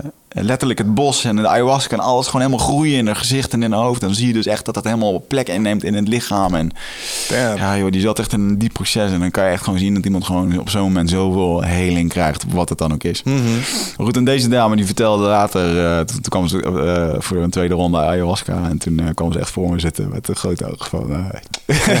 Check. it worked. Ja, later vertelde ze ook dat ze, toen ik het deed, dat ik blies, dat er echt twee... eh, eh, de vader en de moeder uit de hemel kwamen, die de hand vastpakte. Daar heeft ze hele gesprekken mee gehad. En, Holy eh, shit, man. ik krijg er kippenvel van als ik dat nu heb. Ehm, en ja, fuck man, dat je dat... En bij die andere was dat dus ook het geval. Die had dan meer een gevoel dat de vader er was. En, eh, ja, want het kan dus in honderd verschillende manieren komen. Ik heb mijn vader ook heel vaak gezien in dit soort ceremonies. Maar altijd op een andere manier. Of een gevoel. Of soms zag je hem heel visueel, soms niet. Eh, ja, dat je dat in één keer kan bewerkstelligen bij iemand. En dat je, dat, dat je hem die ervaring kan geven. Ja, dat, dat sluit iemand in zijn hart en neemt hij altijd mee. Dus da- daar kan men van vinden wat ze willen. En of dat het echt is of niet. Maar ik weet ook voor mij, eh, maakt er van niet uit of dat het echt is of niet. Het heeft mij gewoon heel veel eh, eh, ja, rust en vrede gegeven. Snap ik, man. Nou, wat ik hier, wat ik hier interessant aan vind is natuurlijk... Kijk, ongeacht het mechanisme wat erachter zit... of het nou psychologisch is, of het is echt spiritueel of esoterisch... het maakt allemaal niet zo gek veel uit. Wat ik er interessant aan vind... is dat je blijkbaar voorspelbaar iemand eh, in een staat kunt brengen... waarbij ze iets doen met overleden ouders of overleden familieleden. En wat ik super interessant zou vinden is om te kijken... oh, als je dit nou nog tien keer zo achter elkaar weet te reproduceren... then we're onto something, snap je? Ongeacht het mechanisme wat erachter zit, dat is interessant. ja. Dus eh, ja, ik ben Ja. heel interessant om te zien hoe dat zich... eh, Ik heb er geen ervaring mee, maar ik weet wel dat dit, ik weet wel dat dit een ding is. Omdat het zoveel betekent voor mij. eh, dat dit het, absoluut een ervaring is die ik met anderen wil delen. Dus ik, als je het dan hebt over um, de timmerman die een specialiteit heeft, dan zou dit graag een van de dingen willen zijn waar ik, waar ik mensen mee wil helpen wat tijdens de ceremonie. Wat zo logisch is als je kijkt naar jouw eigen ayahuasca-reis en de verstandshouding met je vader. En zeg maar, mm. daar, daar ben jij echt overstag gegaan. Ja. Toen je zag dat dat komt, dacht je van holy ja. shit. Dus ja, ja. ja dus zo'n mooi specialisme stel ik me zo voor. Ja, en dat is ook wel cool om dan te zien als ik dan kijk wat... Uh, dat zelfs uh, zo'n Christian, die je zet is gewoon fucking ervaren doet. En die heeft... ja, je ziet gewoon dat hij heel stabiel is erin. En die krijgt hele andere lessen. En dat je echt naar elkaar kan kijken van... Fuck, je hebt echt een gaaf les gehad vandaag, weet je wel. En dat, ja, ja, dat is mooi. Ehm, ja, het was wel een hele... Maar daar ben ik ben nu... Het is nu gisteravond teruggekomen. En de jongens zijn op het vliegveld gezet. Dus ik ben nog wel... Best wel moe. Uh, voor wat betreft met die jongen met die, met die rappen, dat was ook wel intens. Nou, op een gegeven moment hij blies het bij me in. Ik heb mm. boven, die bak lopen gillen, schreeuwen. Toen ben ik teruggegaan naar mijn plek. En toen heb ik echt twee uur lang koorts gehad. En toen zei het medicijn ook van je hebt nu die bacteriën. En door de koorts uh, krijgt die bacterie geen kans. Dus het medicijn vertelde ook de hele tijd van joh, dit heeft geen effect op jou op de lange termijn. Of dat dit blijvend is of wat dan ook. Mhm. Ja, en dat, dat gaat met zo'n geweldige uh, overtuiging dat je dat dan ook gewoon te harte neemt. En, uh, en zo voelt, ja. Ik denk dat dat ook wel erg belangrijk is. Dat je dat geloof op, op dat moment ook gewoon hebt in je medicijn. Ja. Anders krijg jij natuurlijk ook een, uh, een moeilijke avond. Ja, zeker. En uh, dat, dat beseffen mensen dus ook niet. Um, omdat op het moment als je dit drinkt, uh, je energiesysteem gaat helemaal open. Um, en als je dan die zaal uitgaat, waar je dus niet beschermd bent of waar niet iemand is om je te helpen. En ligt iemand smiddags depressief op een bed, bij wijze van spreken. En jij gaat erop liggen met heel je open systeem. En dan kan je dat gewoon in je trekken. En dan kun je weken last van hebben. Hmm. Uh, dan kun je gewoon ziek van worden of depressief of niet weten wat er met je aan de hand is. Ja, je hebt gewoon shit van anderen om je heen. Moet je je voorstellen, dat is heel simpel. Als jij uh, een dag lang ergens bent waar iedereen fucking zagrijnig is. En dan kom je s'avonds gewoon zagrijnig thuis. Ja. En, en op, op dit hele energetisch... Dat is ook gewoon energetisch. Mm -hmm. Um, dat moet je daarin, uh, uh, ja, ik denk dat dat logisch is. En op een gegeven moment als je dit, uh, dat energetische veel gevoeliger maakt door middel van zo'n drankje te drinken, wat het dan ook is, ja, dan moet je ook beseffen dat het op microniveau effect kan hebben. Ja, maar jullie nemen toch ook maatregelen daartegen? Ik geloof dat jullie dat smudge noemen? Ja, de, met, met salie of andere kruiden kun je uh, ja, dat soort dingen smudgen. Ja, zijn een lieve mevrouw die dat ook even bij mij heeft gedaan. Ik, ik merk dat ik er... Uh, ja, dit deed in zoverre. Ik kreeg, wat ik je zei, ik kreeg een beetje een band om mijn hoofd. Merkte. Misschien was het de lucht of wat dan ook, of de shrew. Dat zou kunnen. Maar mm. um, wat, wat deed ze daar? Ja, de salie zorgde bijvoorbeeld dat er bepaalde bacteriën en schimmels in de lucht gedood worden. Ah. Is ook gewoon wetenschappelijk bewezen. Het is een. Uh... En uh, dus eigenlijk om kwade bacteriën, energie of geest uh, naartoe dat je dat ook wil. Okay. Wat voor woord je er ook aan wil geven. Ja. Mm. Ja, dus dat hoort er wel bij. Ja, natuurlijk ook de Giroud is er ook een groot uh, onderdeel van. Ja, dat, uh, daar hebben we het even over gehad in de podcast met Isha zelf. Ja, ja de ontspannenheid uh, waarmee ze um, nou ja, andere geestverruimende middelen gewoon een plekje geven in de ceremonies. Ja. Ik wel opmerkelijk omdat ons in eerste instantie was verteld dat is niet zo verstandig en dat moet je zeker niet doen, want dan krijg je twee geesten mm. van planten in je en die gaan het dan uitbettelen. En ayahuasca mag marihuana niet. Weet je, dat is een beetje zoals het ons is uitgelegd destijds. Ja, het is per, per cultuur natuurlijk verschillend. Ik denk dat het voor Nederland uh, verstandig is dat, uh, dat men het niet altijd mengt, want uh, mensen hebben geen idee.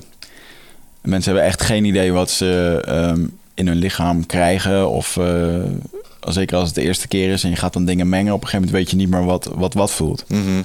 Dus hetzelfde als dat jij nog nooit bent uit geweest. En je zou op je eerste avond uit een ecstasy-pil en 10, 10 liter bier gaan drinken. Ja, dan, dan weet je op een gegeven moment niet meer wat voor of achter is en waar het vandaan komt. Snap ik. Dus het is wel fijn voor mensen om, uh, om ook een soort van gemak te vinden in, uh, um, in deze wereld van uh, of misschien een keer een jointje roken of, of als het een ayahuasca is. Mm. En het is ook niet voor iedereen. Sommigen hebben er ook geen behoefte aan. En, maar ja, Isha zegt dat het hem gevoeliger maakt en dat hij daardoor beter kan voelen hoe die andere mensen kan helen. Ja.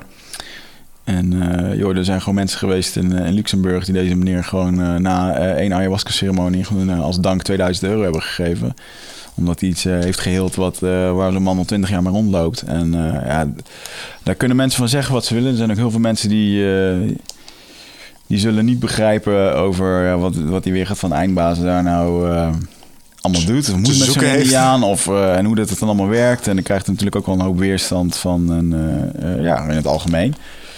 Eh, maar joh, ik, eh, je kunt het bijna niet. Ehm, als je er niet bent bij geweest of je hebt het niet ervaren, dan is het heel, heel moeilijk te begrijpen. Weet je wat ik eh, denk dat mensen die hier met een oordeel over luisteren nog het meest zou verbazen? Het soort mensen dat erop afkomt. Ja, Want, want we kunnen niet te veel vertellen om privacy redenen van de mensen die er eh, zeg maar zich voor aanmelden en die er rondlopen. Maar ik denk dat jij aangenaam verrast zou zijn met, met het type en het kaliber wat er rondloopt. Absoluut. En die Ja. dit ook als een, als een manier zien om zichzelf te verbeteren. Ja. En ehm, ja, ik denk dat het stigma is, oh, daar zitten allemaal eh, boomknuffelaars en van die rare zweefteven en dat soort dingen. nee. Ze zijn er wel, maar ze waren ernstig in de minderheid. Ja. En eh, dit zijn gewoon normale mensen die, eh, die iets op te lossen hebben of die een volgende stap ergens in willen Ja. maken. En die, die, die grijpen dit aan als kans om, om daar wat mee te doen. Ja, voor mij was het ook wel heel duidelijk dat, dat jij en ik een bepaald publiek aantrekken met, met eindbazen. En, zeker het tweede weekend. nou, ik denk dat de helft daar zat omdat ze een connectie hebben met onze podcast.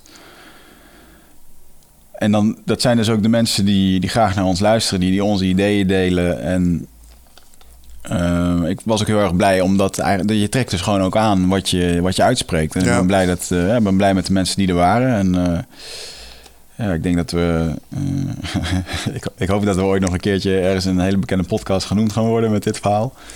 Eh, want er is iemand die daar.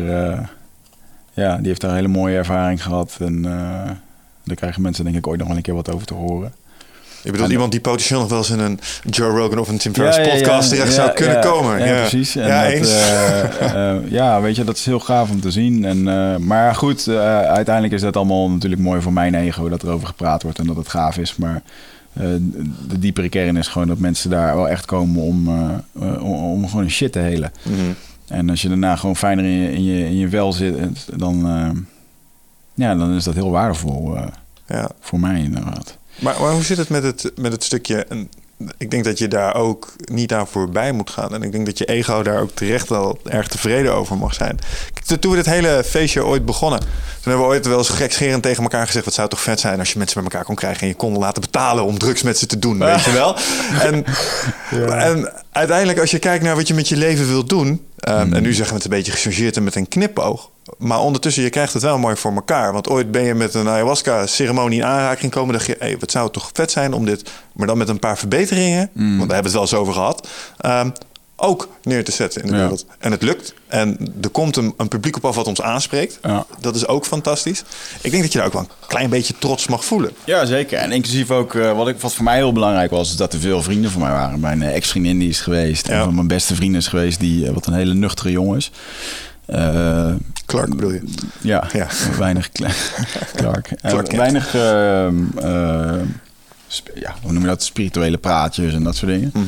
Eh, wel beseffend dat er wat groters is, maar die, die kan je gewoon na, na één avond aankijken en dan, now you fucking know, weet je. Ja. En nu snap je wat ik hier doe en wat, wat voor heling dat het brengt. Wat misschien ook wel eens lekker is voor jou, hè? want ehm, niet om je vuile was buiten te hangen, maar we hebben het natuurlijk ook wel eens gehad over eh, de, de disconnect die dergelijke thema's soms hebben met je, met je Ja. vriendenkring. Ik bedoel, Zeker. ik heb ook vrienden in mijn omgeving die zeggen, de fuck gast, weet je, waar ben je nou eigenlijk allemaal mee bezig? Ja. En jij in niet mindere mate, misschien zelfs nog wel meer. Mm. En als dan een- iemand vanuit je core groep komt en die komt even kijken en die zegt, dit is echt vet wat je aan het doen bent. Ja. Dat is lekker. Ja, zeker. En eh, het is zo ontzettend groots en magisch en, en, en, en, ehm, ik zeg dan altijd het woord heilig. Eh, Dat vinden mensen dan ook. eh, eh, maar ja, voor hun is dit heilig. En als je dat drie dagen of twee dagen hebt gedaan, dan snap je zo wat dat betekent, weet je. En dat is gewoon de heiligheid van het leven, de grootsheid.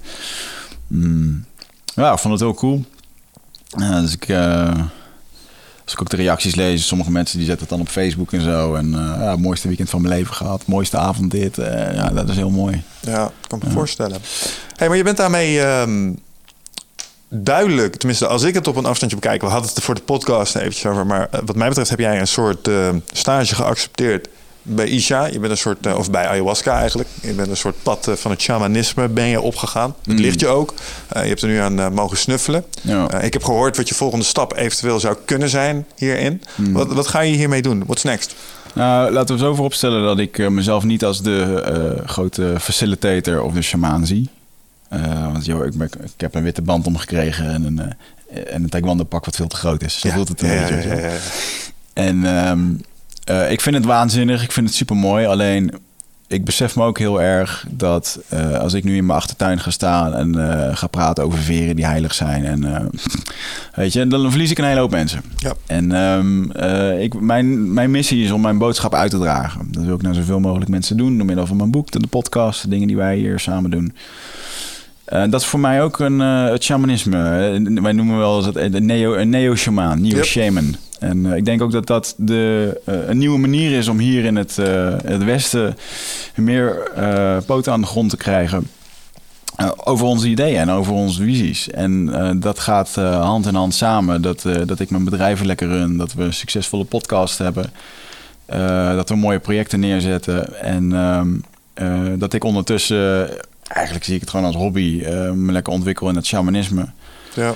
Ehm, Nou, we zeiden het er straks al. Hè? Ik bedoel, je hebt natuurlijk een eh, interessante mix aan talenten eh, in dat opzicht. En misschien is dit, als je kijkt naar die hele eh, ontwikkeling van die ayahuasca entheogenics markt, zeg maar. Misschien is het ook wel echt nodig dat daar nou iemand zich even in mengt die een beetje business savvy met zich meeneemt. neemt, want daar gaat de kwaliteit hmm. van dat soort ervaringen ook mee omhoog. Als ik kijk naar bijvoorbeeld hoe, hoe het hier georganiseerd was, dat, dat helpt mee aan de ervaring. En het feit Ja. dat het mooie faciliteiten zijn en dat soort dingen. En dat geeft gewoon in, in je hele beleving en daarmee dus ook Ja. het, het effect wat het op je heeft. Ja, en ook mensen die zeggen van joh, het is gewoon eh, lekker om te zien hoe nuchter dat je bent. En eh, ehm, kijk, ja, we kunnen daar heel erg gaan zweven over dat het allemaal gaat over liefde en samen zijn en doen. En dat, dat gebeurt ook zeker daar, want dat voel je daar. Alleen, eh, ja, we moeten het ook gewoon hier doen. Eh, en eh, ehm, Nou, maar wat er ook bij hoort is, en dat, dat hoor ik jou vaak zeggen, is het stukje, het echte werk begint erna. Hmm. En ik, ik heb je, zeg maar, ceremonies nu horen openen en horen afsluiten. En daar zit ook een stukje, ehm, eh, zeg maar, leiding in meegeven om, om ownership te nemen daarop. Zo van, joh, jongens, het is allemaal leuk en aardig wat je hier ziet. En dan heb je straks het universum gezien, maar het is wel aan jou om er straks nu mee aan de slag Ja. te gaan. En eh, het stopt hier niet mee. mhm. En ja, ik weet niet hoe dat eh, in, in andere ceremonies gaat, maar ja, net wat je zegt. ehm, mensen weten vanuit wat ze hier zien dat er een bepaalde mentaliteit achter zit. Zit een Mm. bepaalde nuchterheid achter. Ik bedoel, je doet Ja. gewoon. Je bent ook gewoon een, een zakenman in dat opzicht of gewoon een zelfstandig ondernemer. Dus je kunt je ook niet veroorloven om in dat opzicht. ehm, Hmm. dus zeg maar met de pet na te gooien en, en zo'n zwever te worden. En ik denk dat dat heel mooi is voor mensen om te zien. Is dat je, eh, het is leuk dat je al die dingen oppikt uit het universum, maar je moet ze wel meenemen naar de werkelijkheid. Ja. En daar iets mee gaan doen. Ja. Ja, ik denk dat dat ook wel... Dat is het lastige, dat je... De integratie daarna is ook wel gewoon heel belangrijk. Eh, Mensen hebben vaak het idee dat ze ayahuasca willen doen om, om wat op te lossen. Maar je kunt daarop eh, uitkomen waardoor je je heel erg leeg voelt en depressief. En vervolgens denk je van, nou, ik moet misschien nog een ayahuasca zitten doen. En je gooit de boel alleen maar nog meer door de war als je Mm. niet weet wat je doet. En eh, toevallig is Marieke er ook lekker mee bezig op de school met een ayahuasca aftercare programma. Ja, daar het stroomt vol met aanmeldingen, omdat mensen gewoon verward, ze komen er vaak verwarder uit dan dat ze erin gaan. En Ja. dat heeft dus ook weer te maken met dit, eh, met dit shamanisme en de cultuurverschillen. Dat als je dit in de jungle doet, dan zit je echt gewoon in die, in die aarde, in die natuur. En niet al die impulsen die we hier hebben en rare dingen. Dus dat is voor die mensen, het is ook ja, hun manier van leven. En eh, eh, ja, daar valt nog heel veel in te halen. En ik merk eigenlijk nu ook, ondanks dat ik heel veel mensen goed heb geïnformeerd... en ehm, is er toch meer te doen omtrent educatie voor een volgende keer. Voor, eh, voor voorbereiding, maar ook voor eh, de afloop en de uitleg van dingen. Maar goed, het blijft er ook bij dat, ehm, dat je het gewoon moet ervaren. Want ik kan alles tot in de detail uitleggen hoe het allemaal werkt. Eh, als je voor de eerste keer die rappen in je neus krijgt of je drinkt het medicijn, dan je weet niet wat je gaat voeren, voelen of ervaren. En ik kan het je ook niet beloven. Nee, Dus daar zit een, hoop, eh, eh, ja, zit een hoop proces in, weet je wel. Ehm, Ja, maar dat is ook leren. Gaan we nog, ehm, ga je nog retraits organiseren in Nederland volgend Nou, jaar? nou, nee, voor, nu even niet. Ik heb niks op de planning. Eh, A, omdat het me niet eh, heel erg roept. Ik deed dit nu met Isha, omdat Isha gewoon mijn mentor is. En, eh, ehm, nou, hoe ik, hoe ik dat zie, overigens, wat je vroeg... Volgende stap in je shamanisme, ja. Volgende stap. ik, ik zou heel graag naar het Baptism Festival willen. In, dus dan kan, word, word ik gedoopt en word je echt ingewijd in de stam. Ehm, Dat is trouwens wel fascinerend. En daar hadden we het al even over. Die parallellen tussen eh, enerzijds christendom en ehm, Hmm. eh, wat ze hier in het bos doen. Isha heeft iets verteld over de, de, de scheppingsverhalen. Ook eh, Great Flood. Maar ze doen ook dingen met baptisms en Ja. angels en dat soort dingen. Wat, wat doen ze precies bij zo'n baptism? Daar? het gaat voor de overgang van, van jongen naar volwassenen. Ja. En daardoor moet je bijvoorbeeld, word je helemaal uitgeput. Word je, moet je heel lang dansen, ik geloof 24 uur. Dan staan ze allemaal op het veld met, eh met de rieten rokjes. En, eh, eh, daarna moet je drie dagen in eh, dus die uitputting, daar gaat het ook om. Er zit echt een fysieke taak aan waardoor, waar je doorheen moet. En vervolgens moet je, je moet recht lopen. Je mag mensen niet aankijken. Want als je scheef loopt, dan zou je de rest van je leven scheef kunnen blijven lopen... als je dat niet goed doet. Oh. En allemaal van dat soort eh, eh, rituelen. En volgens moet je drie dagen in de hangmat blijven liggen. En dan zit de, de hele stam zit om je heen te eten en te drinken. Terwijl je, ja, je mag dat niet. Dus er zit, van dat soort beproeving zit er allemaal. Ah, wat erg. Ja. En eh, ik, ik heb best wel vaak eens gekeken naar eh, eh, rites of passages. Passages. Ja, ja, rites of Rite passage, ja. Dat is het juiste woord. Die zijn niet altijd even vriendelijk. En om eerlijk te zijn, niet altijd even verstandig. Weet je wel? Waar mensen bijvoorbeeld uit een grote boom springen met een liaan om een poot. Die dan, eh, dat, dat soort dingen, daar denk ik van, ja... Of eh, Die motorbendes waar je volledig in elkaar getrapt moet worden om bij een groep te horen. Daar denk ik bij, ja, dat, dat heeft niks te maken met mensen laten groeien. Mhm. Ehm, ik snap dat dat gebeurt en dat het zo eh, kan vormen in bepaalde culturen, maar dat is not my cup of tea. Ken je dat ritueel met die handschoen, met die mieren? Ja, ja, ja. Dat is Dat stam, weird, man. Je hebt zo'n, je hebt een, een, ja, ook een jungle stam. En eh, die, wat ze doen is, er lopen daar in de buurt mieren. Het zijn echt van die enorme, ik, weet- ik weet even niet wat de naam is, maar die dingen als één zo'n mier je bijt, Hmm. dat is echt zo ongelooflijk pijnlijk. 24 uur staat, het dan, staat je hand in brand dan. Ja, en, en wat doen die lui? Die maken een soort handschoen van riet. En die zetten ze vol met van die mieren. En die handschoen die moet je als een soort rite of passage moet je die aantrekken. En daar moet je even mee rondlopen, geloof ik.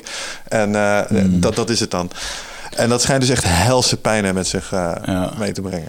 Not my cup of tea. Maar Nee. goed, die uitputting en zo, dat kan wel. Ik moet ook eerlijk zeggen dat ik eh, eigenlijk ergens nog wel een beetje klaar ben met de jungle.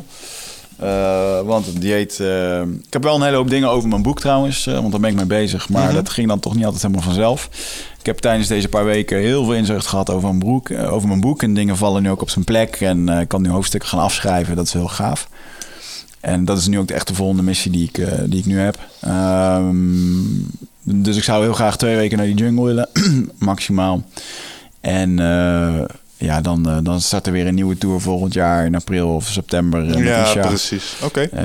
Dan zie ik dat wel weer gebeuren. En ja, ik merk ook dat ik heel makkelijk nu omga met het, met het medicijn. En toen ik de eerste keer in Frankfurt was, hoefde ik ook bijna niet over te geven. Dat vertelde me ook echt van ja, dat heb je tijdens dieet ben je al heel erg gereinigd. En ehm, ja, ik moet er ook wel om lachen dat eh, er wordt altijd heel erg eh, eh, biologisch gegeten, vegetarisch en altijd op die retreats. Mhm. want- En eh, Verschrikkelijk. wel een goede catering gehuurd en op een gegeven moment. eh, maar je merkt gewoon als je echt aan het werk bent, eh, dan heb je gewoon, je hebt gewoon energie nodig, man. En dat Ja. ga je niet krijgen van een komkommer en een beetje quinoa. Gewoon steak eten. Dus eh, Isha en Christian en ik zijn iedere dag, ze gingen we naar een steakhouse daar lokaal. En daar gingen we gewoon biefstuk met friet en, en ijs bestellen. Om, om ook gewoon weer hier een beetje in je lichaam te komen, weet je wel. Mhm. Dus dat was het altijd, ja. Latte macchiato, vlees met friet. En eh, een groot bord ijs met koekjes. Lekker man. Slagroom, ja. En dat, eh, dat ging wel goed. Dat is hard werken. Ja. Dus eh, nee, wel, ik vond het heel cool. En het was ook gewoon gaaf om, om met Isha te praten, weet je wel. Ook over bepaalde visies die hij had en zo. En ik weet nog dat dat was ook een hele mooie... Dat hij op een gegeven moment in Frankfurt... hadden we een beetje wat rustige ceremonie. Dat hij op een gegeven moment vertelde van... Joh, ik, heb, ik heb weer hetzelfde visioen gehad als dat ik al een paar keer heb gehad. Ik zei, "Oh, Wat dan? Hij zegt, nou, hij zegt, dan zie ik heel de wereld... zie ik miljoenen mensen. Duizenden mensen die gewoon maar wat doen. En gewoon nergens over nadenken. En gewoon geen idee hebben. Hij zei, they know nothing. Weet je wel? Mhm. En eh, mensen doen maar gewoon. En ze, ze- ja, ze snappen het gewoon niet.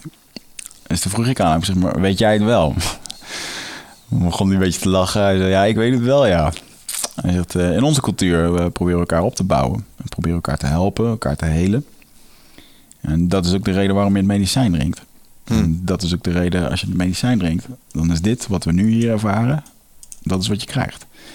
En dan zit je inderdaad om zes uur s ochtends eh, met een zaal waar eh, iedereen eh, in een bad van liefde heeft gezeten. En joh, niemand in die zaal wil oorlog voeren. Niemand wil andere pijn doen of wil gewoon samen zijn, weet je. Mhm. En hij zegt ook gewoon, dat, dat is de reden waarom we medicijn drinken. En vervolgens ehm, liet de ayahuasca eh, in zijn brein zitten. En ik zag gewoon een grote aap op een rots Ja. die gewoon naar de gekte van de wereld keek. Dus hè, de hele wereld in puin, mensen in paniek. En, en hij zat daar gewoon eh, naar te kijken. Ik zat het gewoon te observeren. Eh, maar zo'n ontzettend sterk weten van binnen hoe dat het echt zit en wat je zelf bent en waar je voor staat. Dat was heel, heel krachtig en Mm. heel mooi. Ja. En het is hoe dat het medicijn dat dan eh, zo kan tonen aan je, weet je wel. Ik heb zoveel mooie visioenen gehad en mooie, eh, mooie dingen. Ja. Het was awesome. Ik hou hiervan, man. Ik heb, ik heb echt zitten genieten, weet je wel. Het mooiste wat er is, man. De hele dag een beetje in de weer met die dingen. en Met mijn eh, medicijntjes en dingetjes. En eh, ja, Marieke ook, zegt van, eh, dit is wel echt wat je leuk vindt. Ja, man, je was in je fucking element. Dat was wel duidelijk. Ik bedoel, ik heb met een schuin nog... Kijk, eh, nog even één dingetje over de ceremonie... waar ik dan eh, echt van genoten heb, was... ehm, op een gegeven moment word je aan het begin van de ceremonie... word je allemaal even in een kringetje gezet. En dan ga je even een kumbaya dingetje doen... en dan worden een paar ikro's gezongen en dat soort dingen. En iedereen staat daar, ik inclus, in het begin een klein beetje onwennig. Ah. Maar dat staat of valt met de overgave van de shamanen. En als je dan rechts naar je kijkt... en je ziet Wigert echt vol overgave die liedjes meekelen... dan kan je niet anders dan denken... oké, fuck it. Ja. Ik ga ook mee. Maar ja, de, eh, het enthousiasme en de overgave die je erin legt, dat is, dat is aanstekelijk. En dat is ook gewoon hartstikke leuk, man. Je bent. Ja. daar echt, je zit daar in je rol, in je, op je plekje. Dat is wel duidelijk. Ja, en het is ook inderdaad gewoon het lol maken, weet je. Daar moet je het uiteindelijk voor doen. En iedereen wordt ook geheeld. En eh, ik bedoel, Isha en ik zitten gewoon te lachen aan iemand... als die helemaal eh, uit zijn pan zit te huilen... of eh, aan zijn hoofd grijpt dat hij het niet meer aan kan. Want dan zien wij gewoon, ja, wat daar gebeurt... is wel gewoon helend voor diegene. Ja, dit is goed. Ja, en het is ook mooi dat we tegen elkaar kunnen vertellen van... eh, hey, eh, ik heb hem net even naar zijn overgrootmoeder heen gestuurd. Tof, hè? Ja, zo gaat het wel. Dat is echt... eh, ja, dat is mooi. Is bijzonder, bijzonder werk. En voor hem is het natuurlijk... ja, respect voor man. Hij is gewoon vijf, dagen, vijf maanden van huis af. Mm. En, doet dit in een wereld eh, ja, die toch heel anders is. Ehm, geeft heel veel uit handen qua controle. Want eh, ja, hij, hij kan niet echt met geld rekenen, omgaan en dingen. Dus dat moet allemaal gedaan worden. Dus het gaat allemaal op heel goed vertrouwen. En eh, ja, ik, ik heb er bijzonder veel respect voor. Ja, is een mooi vent. Ja, moet je voorstellen dat eh, Justin Bieber de wereld rond gaat reizen. eh, maar dat het allemaal geregeld moet worden door andere mensen. En dat hij er zelf eigenlijk maar op moet vertrouwen dat het allemaal goed gaat. Volgens mij gebeurt dat nu ook wel een beetje zo. Dat, eh, nou ja, en, ja, en dat is natuurlijk, maar weet je, dat daar, ja. dat Nee, ik snap wat je zegt. Nee, ik snap helemaal wat je zegt. En, en, en Justin die kan tenminste nog zelf misschien wat cijfertjes op een rijtje zetten en snappen wat er gebeurt. Ja. Maar deze Isha heeft geen clue. Ja, Dus, dus daar is heel veel, ehm, eh, je moet daar heel veel, ehm, eh, heel duidelijkheid in scheppen en zo. En ik merk ook wel, ook met de ceremoniebezoekers, dat de du- duidelijkheid is echt zo ontzettend belangrijk. Wat er nou gaat gebeuren, dat kan gewoon schijnbaar niet genoeg zijn. En eh, ja, ik vond het super mooi om te doen. En eh, ik heb vooral zelf heel veel geleerd. Ehm, ja, ik vind het, I love it as shit. Dus in ieder geval februari proberen, of januari probeer ik daar naar het bos heen te gaan. ja man. En ik probeer dit keer naar het bos heen te gaan... dat ik niet nog een half jaar daarna eh, aan het bijkomen ben. Uit het lood bent. En, het is me overigens ook wel verteld dat dat niet zo zal zijn. Omdat dit gewoon eh, anders is. Maar ik wil heel graag gewoon weer terug en ja, relatie bouwen met hun en mooie dingen doen. Plus we hopen ook de eerste solar eh, panelen neer te zetten dan. Ja, En dat is uiteindelijk natuurlijk waarom we ook deze tour hebben gedaan en geld hebben ingezameld. ja. Het zou mooi zijn om te zien hoe dat eh, effect heeft voor dat dorp. Ja, man. Dus ehm, ja, ik, eh, ga, ga, als je het nou hebt gezien, ga je ook nog een keertje meedoen. Ja. Ja, ik moet zeggen, ik heb een, ehm, een tijd lang... ehm, het, het is- de vraag is me ook best wel vaak gesteld daarvan... waarom drink je niet mee en dat soort dingen. En het, mijn antwoord was eigenlijk ook... joh, ik denk nu nog dagelijks aan de ayahuasca-ceremonie van... eh, het is inmiddels al bijna weer twee jaar geleden, realiseerde ik me. Ja. En eh, ik kan niet zeggen dat wat me daar allemaal is bijgebracht... dat ik dat al geïntegreerd en geleerd heb. Terwijl ik er nog wel echt dagelijks mee bezig ben. Dus het voelt een beetje als eh, arrogantie... om dan al direct je volgende portie op te halen. Ehm, maar tegelijkertijd, als ik dan die vibe daar voel en ik zie iedereen daarmee bezig zijn. En ehm, ja, ik zie jou daar je dingen doen en, en je bent weer even in aanwezigheid. En dat vond ik, had ik toen de tijd met Gino ook. Eh, je bent weer even in aanwezigheid van zo iemand. Die, net wat jij zegt, ehm, die, die kalmte en die onwrikbare overtuiging, die voel je in ze. Eh, hoe ontspannen deze gast ook was, ehm, ze zijn onwrikbaar. En ik kan me heel goed herinneren dat er een periode was na mijn ayahuasca-ceremonie... waarbij dat ook eh, veel prominenter aanwezig was. Mhm. En toen dacht ik, ja, dat, dat zou eigenlijk wel, het zou wel eens even fijn zijn... om op die manier ehm, Ja. me te voelen, zeg maar. En eh, dit is wel een manier om dat te doen. Dus ja, zeker. Daar heb ik Ja. eh, sta ik wel weer een stuk po- positiever tegenover. Ja, mooi. Ja, ja dat is toch Ik heb het ook volgens mij de eerste keer, de eerste keer heb ik het toen gedaan. Heb ik het twee jaar niet gedaan. Ja. Daarna. Maar eh, ja. Vind het ook wel mooi. Je kan er ook in blijven roeren, hè, het hele verhaal. En eh, als het goed is, is het goed. Ik bedoel, Klopt. je moet het gewoon helemaal zelf voelen inderdaad. Maar goed, zoals je al zei, ik bedoel, ze vinden het dan mooi om daar te zeggen. je hoort het je tegen die tijd wel weer roepen. En daar waar ik ook wel eens een keer tegen een ceremonie heb gezegd: hey, ik krijg hier een duidelijke nee. Ik ben hier gewoon niet. I don't know. Ehm, heb ik nou zoiets van: ja, man. Mm. Het zou maar zo wel weer eens een keer eh, eh, leuk kunnen zijn om eh, te doen. Dus. ehm, en dat is een andere ervaring als dat ik eerst had, namelijk van, oh jee, je weet niet waar je te wachten staat. Maar mede door de ontspannenheid en, en, en ja, hoe zeg je dat? Wederom, ik kom op het woord luchtig, terwijl het dat helemaal niet is. Ehm, maar het, bij, bij Isha heb je heel erg het gevoel, everything's gonna be fine, man. Ja. Dat, dat is heel leuk. Ja, ik vond het ook wel heel gaaf. Een heel belangrijk ding is ook wel natuurlijk het team, maar ook de muziek. En eh, ik ken nu I- Isha zijn liederen wel. eh ja, ook Shema natuurlijk zijn eigen liederen. Mhm. Eh, maar het liet me wel heel mooi zien in een van de eerdere ceremonies wat die Icaro's eigenlijk doen en wat de muziek doet. En dan zag ik gewoon honderd mil- miljoenen gitaarstringetjes in mensen. Mhm. En die waren dan gebroken of verfrommeld. Of, en dat zijn dan angsten of gevoelens of eh, trauma's of wat dan ook. En je bestaat gewoon eigenlijk helemaal uit die draadjes. En door middel van die klanken en frequenties kan je dat aantikken. En Mhm. daardoor gaat het hele, eh, komt dat eruit, moet men overgeven. Ja.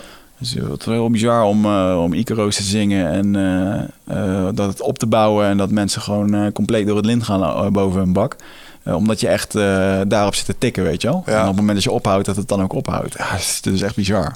Ja. eh, Ja, het sluit aan. Ik weet niet of ik het nou, met- nou met jou laatst over had of in die podcast waar je niet bij was. Maar dat het, dat, dat heel erg aansluit bij bijvoorbeeld ook wat, wat ze proberen te doen met mantra's. mm. En het is volgens mij ook waar ehm, Casper het over had met die klankschalen. Dat je met bepaalde frequenties en dat hij ook mede daarom zingt in harmonie Ja. en dat zingen. Dat dat echt dingen met je doet. Dus dat sluit daar gewoon naadloos op aan. Ja, de zingen werkt helemaal. En ik had een, eh, een topper van een eh, eh, mede-muzikant erbij, Jennifer Ann. Ja, die is echt goed. En holy fuck man, die, die meid die kan, kan uren spelen. Die kan heel de avond spelen ze wil op de gitaar. En dat is gewoon, die is hiervoor geboren, weet je wel. Mhm.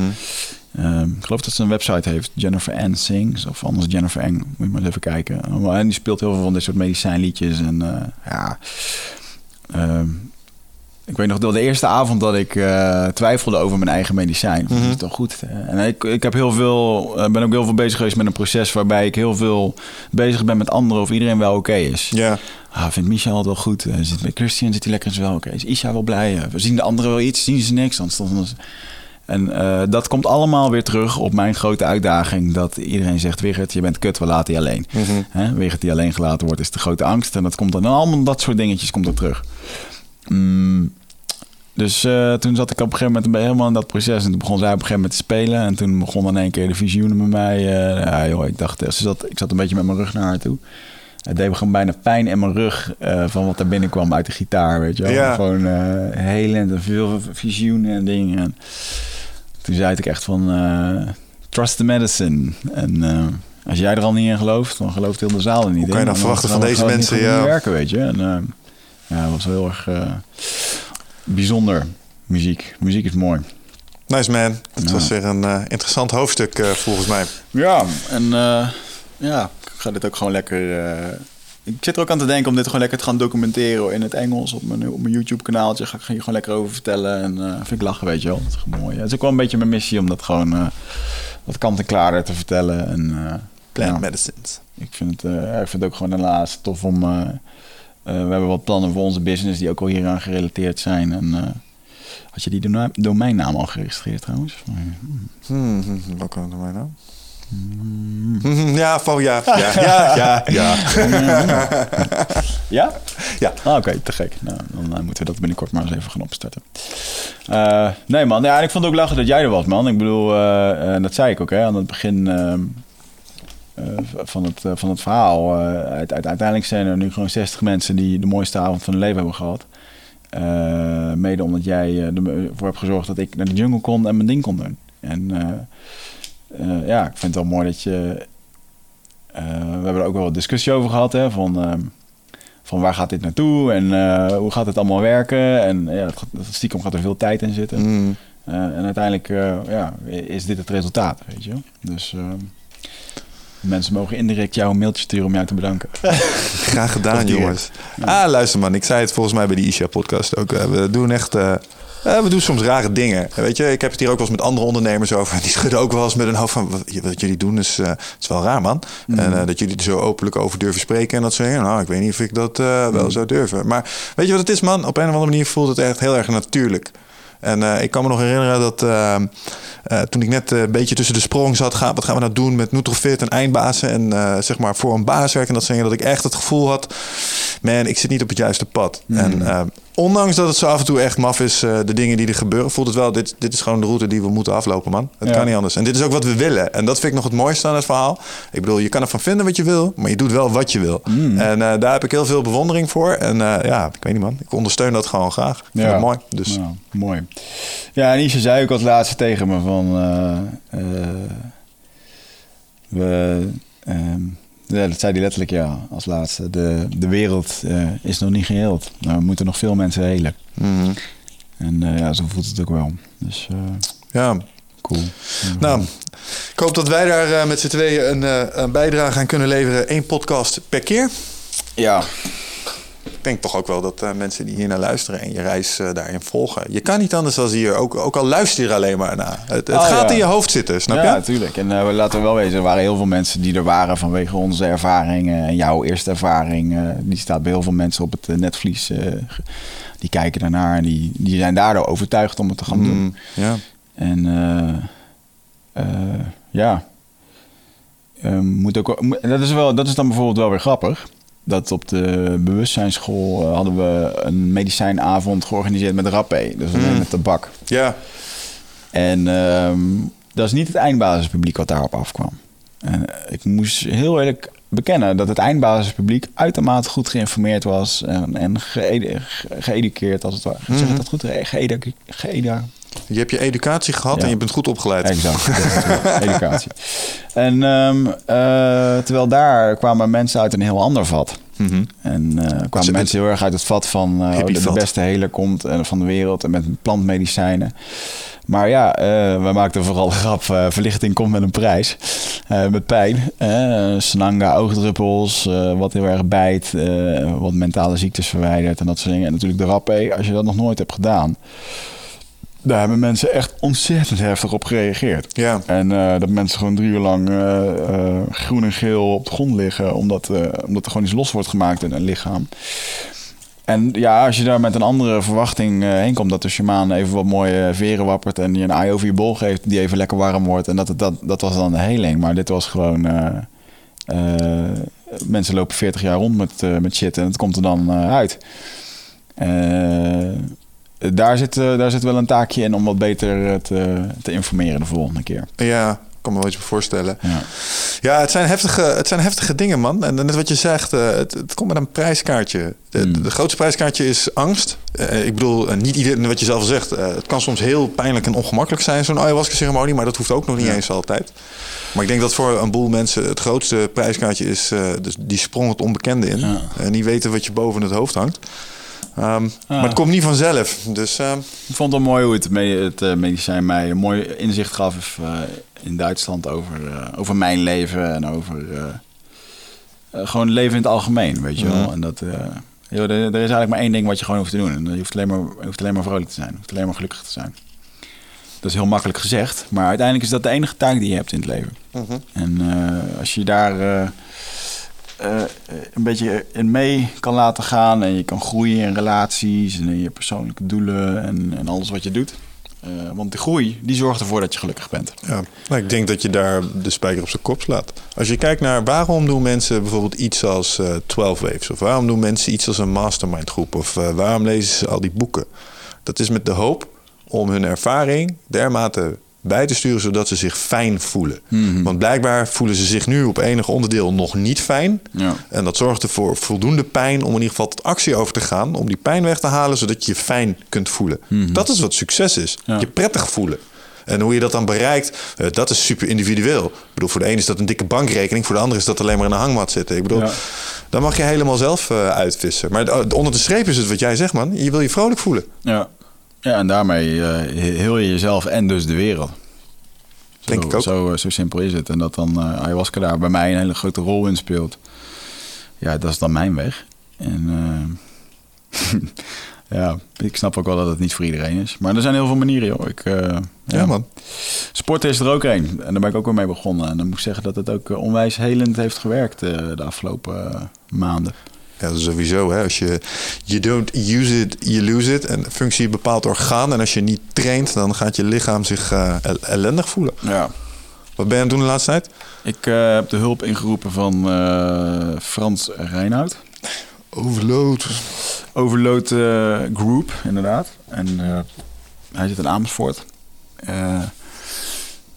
Ik weet niet, we zijn al best wel lang aan het eh, kletsen om een keer eh, samen te komen. Of, eh, of met een podcast. Of Hij moet een keer de studio in, man. Ja, moet een keer de studio in. Ja, ja, dat heb ik ook met hem overlegd. Dus wanneer hij er klaar voor is met zijn plannen, dan gaat dat goed Kom op. Frans, je kan het. Gaan we het ook even over basketbal hebben? Is leuk. Maar deze jongen ja, is gewoon ook een, een top personal trainer van Nederland. Ja. en ik hadden gewoon een goede klik, dus ik ben bij hem geweest. En ja, ik heb zelden een, hoe noem je zoiets met een mooi woord? Am amamnese? Anamnese, hè? Heeft je even geknepen overal met een Ja, en vooronderzoek en kijken eh, welke bewegingen ik niet kan maken. Want ik denk dan, ja, ik ben gewoon niet lenig genoeg en ik kan dit niet. Of, eh, maar het is gewoon mijn lichaam dat zo werkt. Ja, En eh, ehm, ja, dat betekent dat je misschien sommige oefeningen minder moet doen of juist zwaarder. Of, en dat was voor mij, denk ik, wel een grotere eye-opener. Dat ik vaak dingen aan het doen was die misschien helemaal niet zo goed waren voor mijn lichaam. Om nu gewoon eens een keertje te doen waar je sterk in bent, waar je goed in voelt. En ben weer gaan hardlopen. Nou, ik begon natuurlijk met dat... eh, eh, met die ziekte van Pfeiffer waar ik van terug moest komen. Dus Mm. ik, ik kan nu gewoon drie kwartier eh, hardlopen. En wat liep ik nou? Vijf kilometer in eh 26 minuten. is keurig. Dat is heel goed, ja. Ja. Dat was mijn snelste tijd tot nu toe. Eh, en ik ben geen natuurlijke loper. Ik vind het verschrikkelijk ook om te doen. Maar ik moet wel zeggen dat ik het ook wel leuk vind om te doen. Maar nu ben ik ermee bezig. En dan merk ik ook dat sporten ook gewoon weer verslavend is. En eh, dus ik probeer twee keer per week uh, jiu-jitsu te doen. Twee keer per week krachttraining te doen. Soms drie keer per week. Ja. En eh, eigenlijk gewoon iedere dag bezig zijn. Nog even, nog even geeken over je anamnese. Eh, Hij heeft, eh, heeft je ook gemeten overal en zo? Ja, heeft vet. hij nog verteld wat voor profiel je was? Ehm, Kortzelprofiel.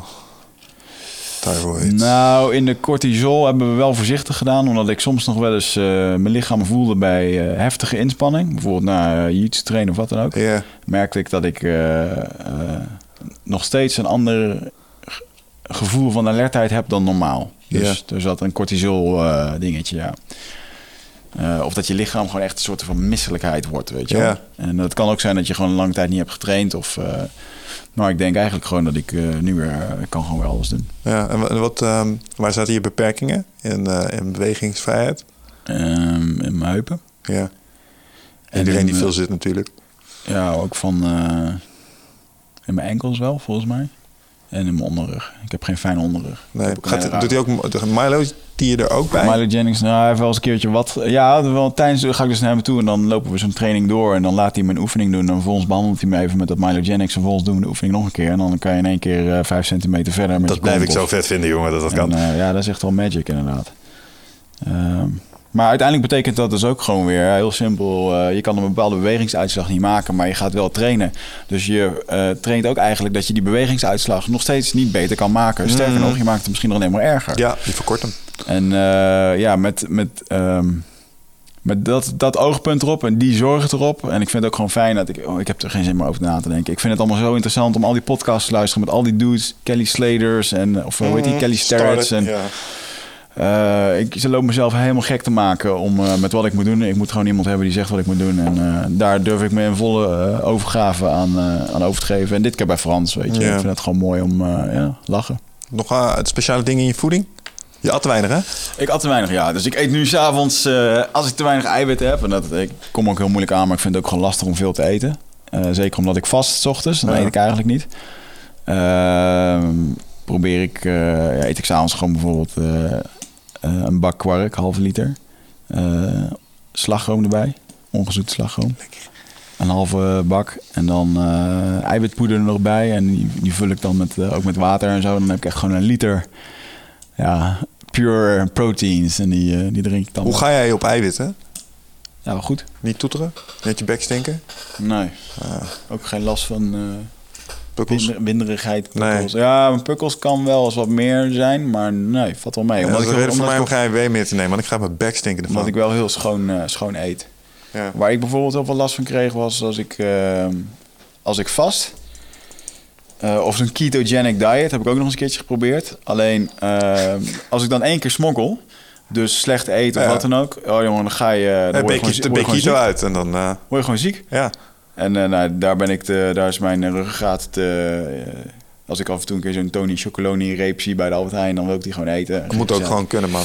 Ja, dus ik vind vasten gewoon 's ochtends relaxed en ik, eh, ja, ik eet dan, moet wel meer eten. Eet je voor je training?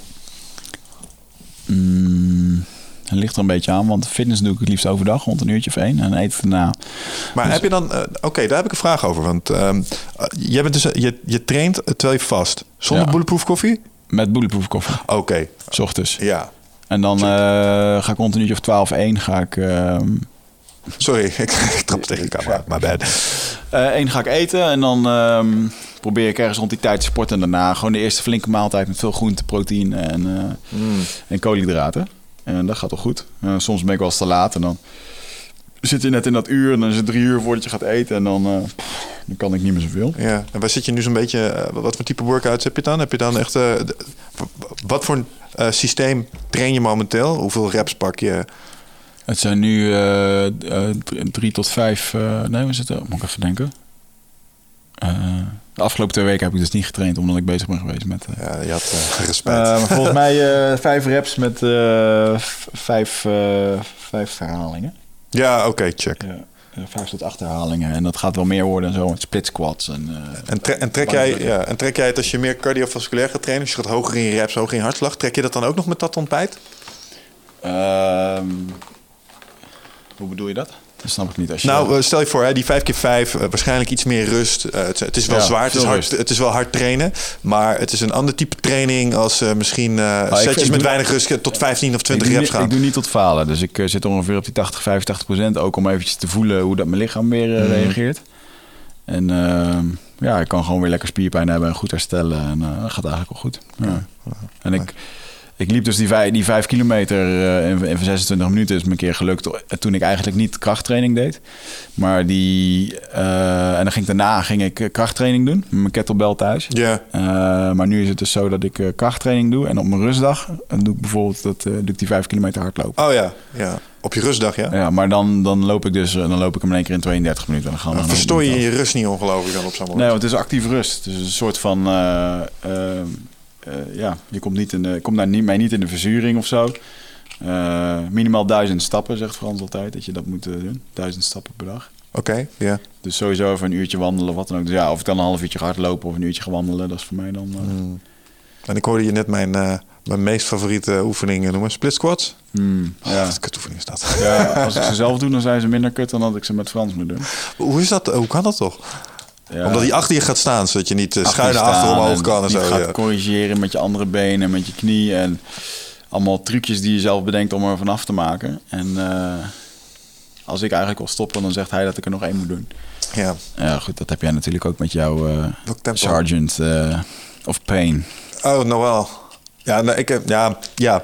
Maar alleen ik train thuis zonder Noël erbij. En eh, dat maakt het wel iets makkelijker, denk ik. Ah, Want als ik, ik ga, zou ik staan. keer in de vier weken of zes weken naar Frans en dan train ik een keer. En dan, eh, Ja, precies. En de rest doe je gewoon lekker thuis. mm.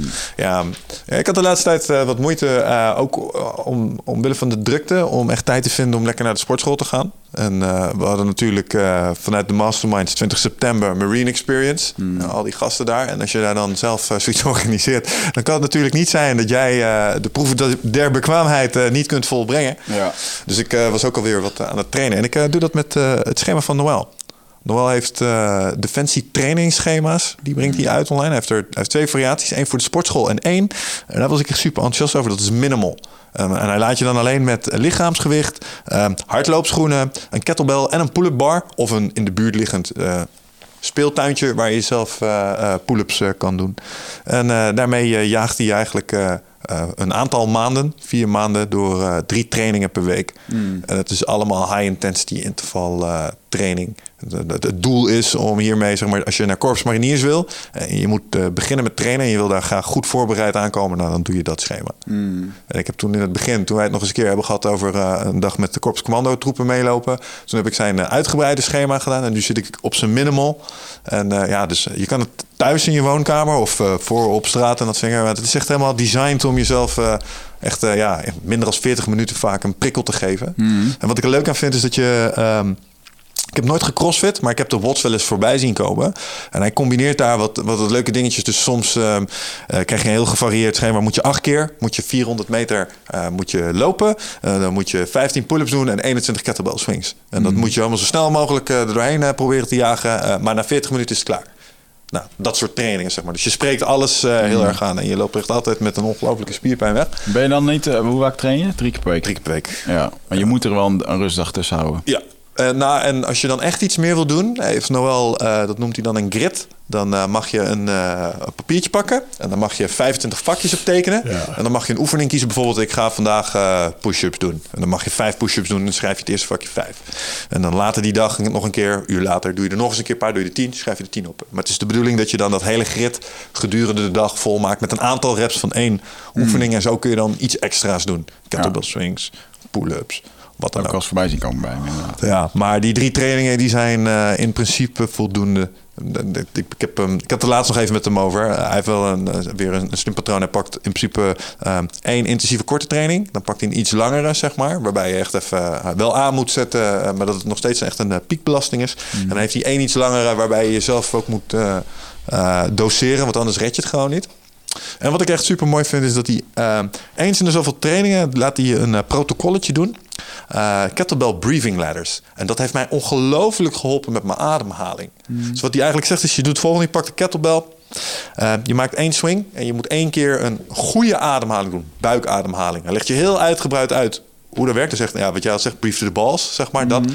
Buik uit, twee swings maken twee keer ademhalen. En dat doe je tot de 20 en van de 20 weer terug. Mm. En ik moet zeggen dat, dat dat alleen al heeft me ongelooflijk geholpen. Met, want ik ben ook geen hardloopfan. En dus af en toe moet ik ook langere stukken hardlopen van een 2 kilometer, anderhalf kilometer. Die manier van ademhalen helpt echt ongelooflijk met je, met je duur. Maar ook het herstellen tussen rondes. Want hij heeft ook van die leuke trainingen. Dat noemt hij dan Death By. Bijvoorbeeld mm. Death By Burpee. Ronde 1, 5 burpees. Ronde 2, 6 burpees. Zeven burpees in een minuut. En de rest van de minuut heb je gewoon rust. Dus je doet vijf burpees, dan heb je de rest van de minuut vrij. Ja. Volgende ronde tot 20. Nou, geloof me, als je zoiets doet op de 10 burpees, ben je eigenlijk al gaar. En dan is die manier van ademhalen is echt geniaal om te herstellen. Dus, uh, brief to your balls. Brief to your balls. En die manier van, van trainen, dus uh, je naar zo'n ladder van 20 laten werken en van die 20 weer terug, is best wel cardiovasculair. Dus je, je hebt die lucht echt nodig om, mm. om die rondes te kunnen halen. Dus daarmee dwingt hij je tot goed ademhalen. Dat is een mooie manier van trainen. Dus, Interessant. Ja. Ja, ik ga in 1, 2 en 3 oktober ga ik naar Elliot Hills in Amerika. Ja. Uh, zijn grounding camp. En dan gaan we ook, dat is heel veel over bio-energetisch ademen. En hij is natuurlijk de man die zegt: breathe into your balls, motherfucker. Ja, buiten, buiten. En uh, dat lijkt me heel erg gaaf. Ik weet dat hij ook een. Uh, dat heeft hij ooit een keertje geroepen. En ik hoop dat hij dat wel een keertje klaar gaat hebben dit jaar. Dat hij een soort eh, coachingopleiding gaat doen over dat ademwerk wat hij doet. Mm -hmm. En het zal natuurlijk niks nieuws zijn in wat er allemaal al is. Want hè, we weten allemaal dat ademwerk gewoon een hoop kan oplossen. Maar ik ben wel erg benieuwd dat dat, uh, dat wordt uh, uh, dynamic meditation, bio-energetisch ademhalen en doen. Ook allemaal mm. met. Uh, ja, hij heeft ook video's online, hè, dat hij gewoon uh, helemaal schreeuwend op een bankje zit omdat de dingen loskomen. Dat heb ik een keer gezien. En toen lag hij zelfs met straps aan die bank. En dan was hij maximaal zeg maar, kracht aan het zetten erop. Zag je ja. spannen alles en zo. Ja. Vond ik een beetje eng. Ja, het is, het is heel. maar ik vind het gaaf dat hij het doet en dat hij durft te laten zien. En En wat is die shit wat hij doet? Dat hij voor een camera gaat staan. En dan gaat hij echt heel intensief gaat hij allerlei dingen uitspreken. En zo, alsof hij helemaal alleen is. En uh, dat, ik, ik, weet niet, dan staat een soort rant, monoloog te houden. En die heeft hij later ook wel een soort van uitgebracht. Maar was niet voor de mensen, het was meer voor zichzelf. Oh, weet ik niet. Ik weet, hij is heel veel verschillende dingen. Want hij heeft natuurlijk heel veel video's online gegooid. En het is gewoon een, een oude strongman bodybuilder. Zijn eerste video is gewoon Elliot Hills. Die gewoon uh, zwaar aan de anabolen zat. En een buikspieroefeningen zit met een opgeblazen kop. En echt gewoon uh, Amerikaans fanatisme erachter. En echt zo'n video. Ik vind het heel gaaf dat, uh, uh, dat als je nu vijf jaar later kijkt naar hoe dat die man uh, staat, staat gewoon heel filosofisch te praten over fitness, over gezondheid, over noem het op, spiritualiteit en, en dingen. ik vind het toch gaaf, man. Nou, die man laat wel echt gewoon zien wie die echt is. En ik heb hem toen ook in Londen ontmoet natuurlijk. Waar hij gewoon tot uh, het evenement als een vijver afgelopen. En hij staat gewoon tot 12 uur s'nachts staat die handjes te schudden. Om met iedereen even te kunnen kletsen. Daar weet je helemaal niks van. Want jij hebt het evenement stopgezet. Zodat je vliegtuig kunt halen. En even op podium een foto met hem kon maken meneer. Dat zeker. ja, dus dat was ik voor. En uh, goed, nu ga ik naar hem toe in Florida. En uh, wordt heel erg cool. ja, ik ben benieuwd man. Lachen. Ik ben ook benieuwd wat Even naar de States. Ja, we zitten nog even te kijken wat ik doen. Of ik bij On langs kan. Of Aubrey tijd heeft. Maar dat, uh, dat is nog even ongoing. Uh, plus uh, Alice de Overheim heeft me uitgenodigd om in Albuquerque langs te komen. Albuquerque. Om naar dat team van hem, met John Jones en zo. kan ik met John Jones even aan even, doping. Ja, even vragen hoe dat nou precies zit. boner pills, man. Boner pills, again, ja. wat een pannenkoek ook hoor. Ja, laten we het daar niet over hebben. Ja, ja. Voor de mensen die niet weten, een profvechter die na twee jaar schorsingen met allerlei dingen zijn comeback maakte. Een mooie comeback. De kampioensgordel wint en gewoon weer wordt betrapt. En uh, fuck, als je het hebt over iemand die zijn carrière aan het weggooien is, dan is hij het wel, ja. Mm, ja. ja. Dus uh, ja, so that's, uh, that is what's up. Jij ging ook iets leuks doen, hè? Misschien. Ja, ik uh, wil eigenlijk wel graag... ik vind eigenlijk gewoon dat je de belofte gaat doen en dat je het hier gewoon gaat doen. We gaan het gewoon doen, hè? Ja, ik ja. ga naar de volgende Jocko Willink Master. Als je het nou hebt over... Um, het is wel een grappige dynamiek. Ik ben ongelooflijk hoekt geraakt aan de Jocko Willink podcast. Mm -hmm. En als je het nou hebt over trainen, wat ik dus niet meer kan, is luisteren naar een Jocko Willink podcast als ik weet dat ik eigenlijk had moeten trainen vandaag. Mm -hmm. Dus ik ga vaak eerst even trainen, zodat ik naar Jocko kan luisteren uh, zonder me schuldig te voelen. Want die gast zijn ding is helemaal get after it. Je moet gewoon discipline hebben, weet je wel. Discipline ja. equals freedom. Um, het is een, uh, het is een ex-Navy SEAL, heeft een boek geschreven, Extreme Ownership. En ik weet niet man, dat, dat, mm. dat klikt gewoon bij mij. Ik vind dat echt prachtig. Zijn podcast is soms wel wat grimmig. Ze praten daar echt over echte oorlogservaringen. En uh, uh, ja, lezen vaak boeken over bijvoorbeeld de Tweede Wereldoorlog. En dan word je toch wel even geconfronteerd met uh, de ja. echte grimmige werkelijkheid. Maar deze mannen zijn wel ehm, ja, inspirerend. Omdat ze dingen gewoon aanpakken. En ze geloven gewoon in ja, echt uh, accountability nemen voor wat je wil doen. Mm. En ze organiseren dus ook uh, eens in de zoveel tijd. En 15 september ga ik niet meer redden, want dan is uh, de volgende. We zitten nu op, nou, het zou eventueel nog kunnen misschien zelfs. Maar in ieder geval uh, die daarop. Uh, ze organiseren bijeenkomsten, een beetje als Elliot Huls. En dan ga je een weekend lang, uh, word je ja. eigenlijk onder die mensen hun uh, hoede genomen. En wat ik er mooi aan vind, is dat het, ze kleden het een beetje in dus natuurlijk wel slim met een beetje branding, marketing sausje, maar een beetje zo'n militair tintje. Het is uh, vier uur opstaan, vijf uur personal training. Dan krijg je een aantal leiderschapsseminars en uh, workshops en dat soort dingen. En dan s'avonds wordt het uh, afgesloten met Brazilian Jiu-Jitsu. Meen je? Ja, ja Jiu-Jitsu vinden ze heel belangrijk bij de Jocko podcast. Ja. ja, ik vind het wel grappig, want uiteindelijk zie ik dat jij heel erg met die Jocko bezig bent en ik heb weer andere mensen waar ik mee bezig ben. Maar uiteindelijk Uh, um, we hebben binnenkort die Marine Experience, waarbij je eigenlijk een Jocko-dag voor onze masterminders ja. hier uh, uh, neerzet. Um, ergens zie ik nu al gebeuren dat er volgend jaar gewoon een soort van mix van grounding camp of een of ander militair insteek ja, discipline camp bij Michel. Nou, wat dacht je van ons samen? Ik heb wel eens, zeg maar, we hebben altijd het grapje. Ja, wij, wij hier spreken altijd over wat willen we nou echt. En dan, dan zeggen we altijd voor de gein de Jedi Academy. Want dat mm. is iets waar je leert hoe je leiderschap moet doen, business, maar ook in je kop en ook spiritueel en misschien ook nog wel een beetje knokken. Want dat is het totaalplaatje, zeg Ja. maar. Dat. En als je zo'n zo'n muster pakt, of wat we met uh, 12 waves doen, en je combineert dat met uh, ayahuasca retreat, dan ben je er al bijna. Mm. Dat lijkt me hilarisch. Dan jagen we ze zeg maar 's ochtends over de paintballbaan heen en dan s'avonds gaan we met z'n allen gaan ja, we healen. inderdaad, ja. Nee, ja, het is wel, uh, ja, het is lachen man. Uiteindelijk uh, Nederland is al klaar voor dit soort nieuwe eh, evenementen. Ik schopte weer tegen je camera aan. Ja, sorry man. Grote voeten. Uiteindelijk uh, is Nederland al klaar voor dit soort nieuwe evenementen. En Amerika loopt gewoon super voor met dit soort dingen. Ja. Yeah. een van de dingen die ik volgend jaar in ieder geval met ISA ga doen... waar ik heel veel zin in heb... Ehm, is dat we een retraite willen organiseren voor high influencers. Dus dat wil zeggen voor grote namen qua CEO's of mensen met heel veel invloed om met maximaal 10 man, uh, er zit wel een prijskaartje aan, um, ja, om op een, uh, op een collectief niveau um, um, verandering te brengen. Mm. Want het zijn wel, dat zijn de mensen die de verandering kunnen brengen. Moet je je voorstellen dat er in één keer iemand is die, uh, ik noem eens even wat, bijvoorbeeld een Casper van der Meulen die met zijn Mind Lift een hele hoop volgers heeft, of een grote directeur van een bedrijf. Dat zijn de mensen die, die de verandering kunnen brengen. Ja, wat dacht je van jongens zoals een Koert van Mensvoort?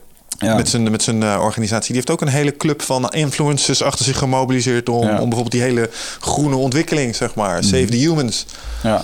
Om dat, ja, dat zou ik mooi vinden. Met tien, tien mensen. En dan is dat alleen op uitnodiging of op, op via via of zo. En daar heb ik het met hem over gehad. En dat zag hij zeker zitten. Want hij ziet dat ook wel. Dat het zijn ook die grote mensen die gewoon uh, hun hele innerlijke heling nodig hebben om uh, de wereld te kunnen veranderen. Ja. Dus dat zag hij wel, wel zitten. Ja, ik ben benieuwd hoe dat Klinkt gaat. goed, man. Ja. Leuk. We'll keep you people posted.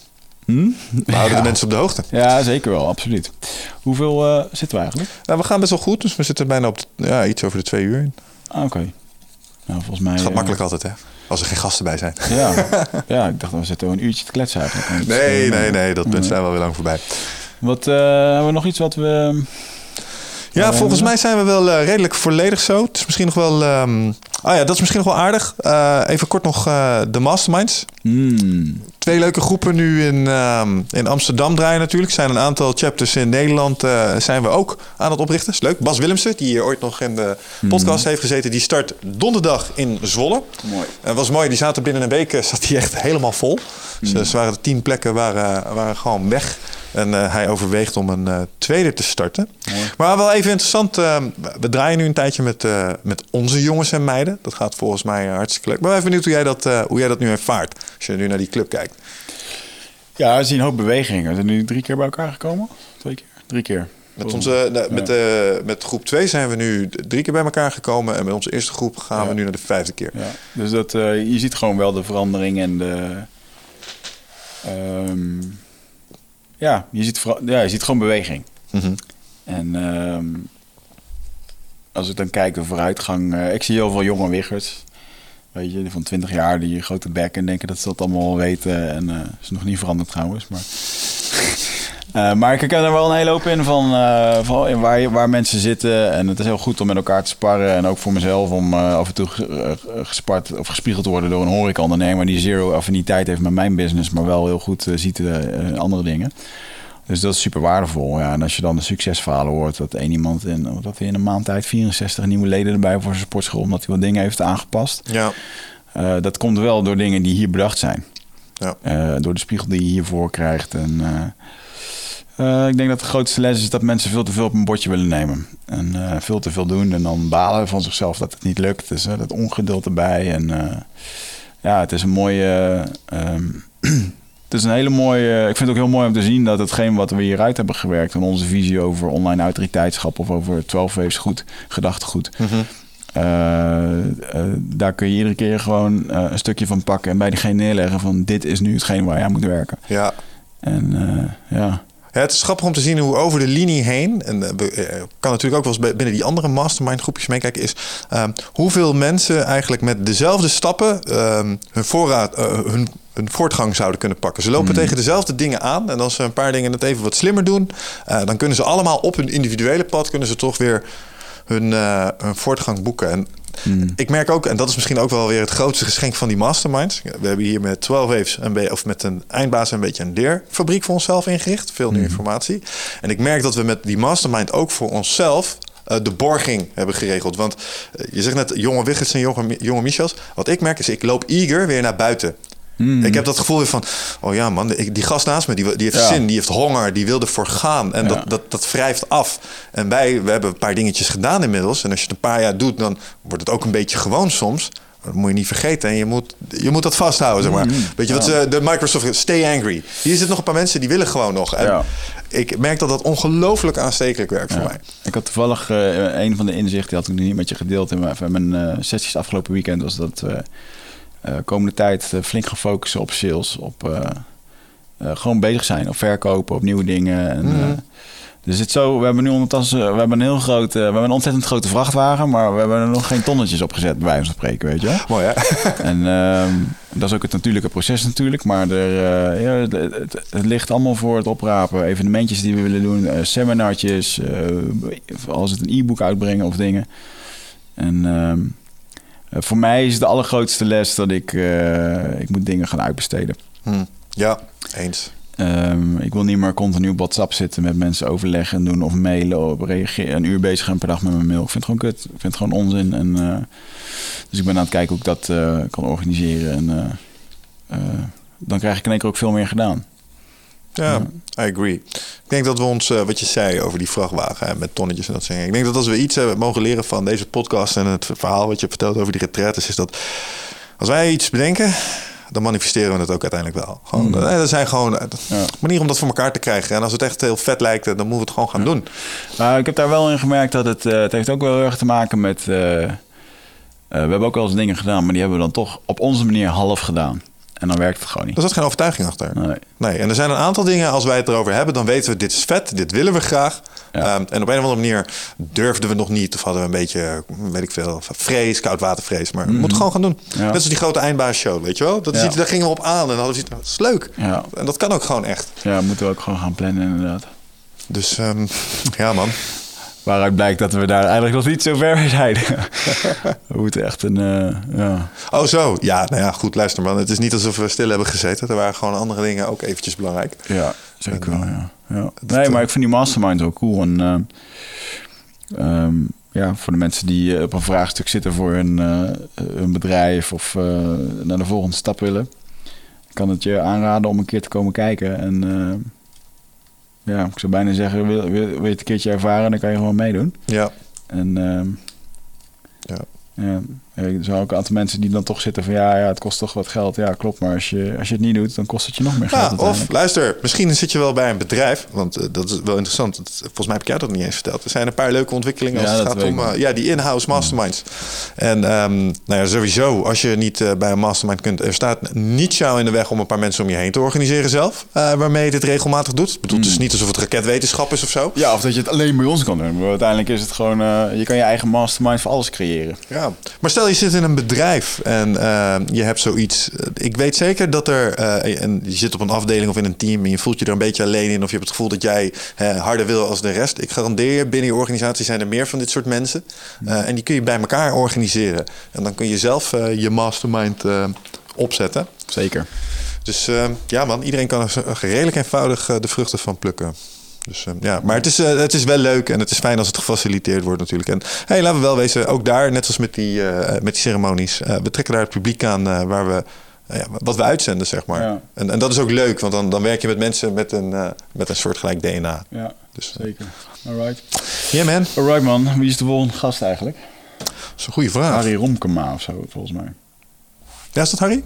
Oh, dat is leuk. Dat is, als je het nou hebt over, hoe heet dat? Bedrijven. Harry is eh, de directeur, eh, of is een oud-directeur van Topicus, waar ik natuurlijk gestart ben. En eh, die heeft zich op een gegeven moment laten uitkopen. En die is een heel Ah, die komt uit jouw vat daar. ja, en die is een heel vet initiatief gestart in Deventer. Op de gasfabriek, waarbij, dat vertelde ik je, die heeft een soort ehm, eh, mini-economie daar gecreëerd met een eigen bitcoin. Ehm, en die mensen, dat noemen ze. ehm, ik weet, de naam is me even ontschoten, maar ze hadden er een ludieke naam voor. Maar die mensen werken daar eh, onderling op dat, eh, op dat gebied. Eigenlijk niet, met, ehm, niet met geld onderling. En, eh, het is een soort kweekvijver voor business.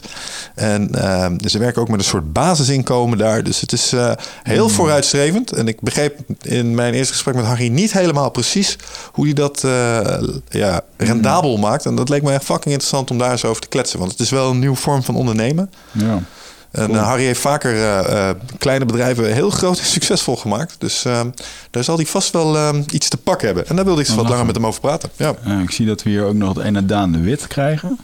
Over Weet wat je eet, boek geschreven. Ehm, dan hebben we, dit wordt, hier kijk ik ook wel naar uit. Johnny Bang. Johnny Bang. John Bang Riley, een rapper. Met eh, raps en... eh, Was destijds, eh, oh, en misschien kun je nog herinneren, hij was destijds een beetje in opspraak eh, Mhm. op Mixfight. Omdat die man een paar filmpjes heeft uitgebracht eh, met eh, nogal onorthodoxe trainingsmethodes. Met van die luchtmaskers en van die parachutes achter zich. En daar vonden ze allemaal wat van. Oh, weet ik nee. wel, ja. Ik weet wel dat hij discutabel is geweest. Nou, maar hij heeft ook gekickboxd, toch? En zo? Ja, nou, Fighting for Water heeft hij destijds gedaan. Dat is een benefit gala waarbij hij partijen heeft gedraaid om waterputten te laten slaan in, weet ik veel, Kenia of zo. En ja, dat heeft hij destijds gedaan. Dat heeft hij met Mixfight heeft hij dat eh, gepromoot. Vet. En niet vergeten, ehm, natuurlijk de meneer die we eigenlijk vandaag zouden spreken. Want eh, we hebben nu wel een podcast overgenomen, maar eigenlijk zouden we hier zitten voor Ruben van Zwieten. En dat is een eh, predikant eh, die tegelijkertijd stevig in het ondernemerschap staat. Ja. En die weet dat goed te combineren met elkaar. Dus het is ook leuk om daar weer eens over te kletsen. Dus genoeg leuke dingen op stapel. I think so. Ja. Alright man. Dan zou ik zeggen bedankt voor het luisteren en tot de volgende keer. Ciao, ciao.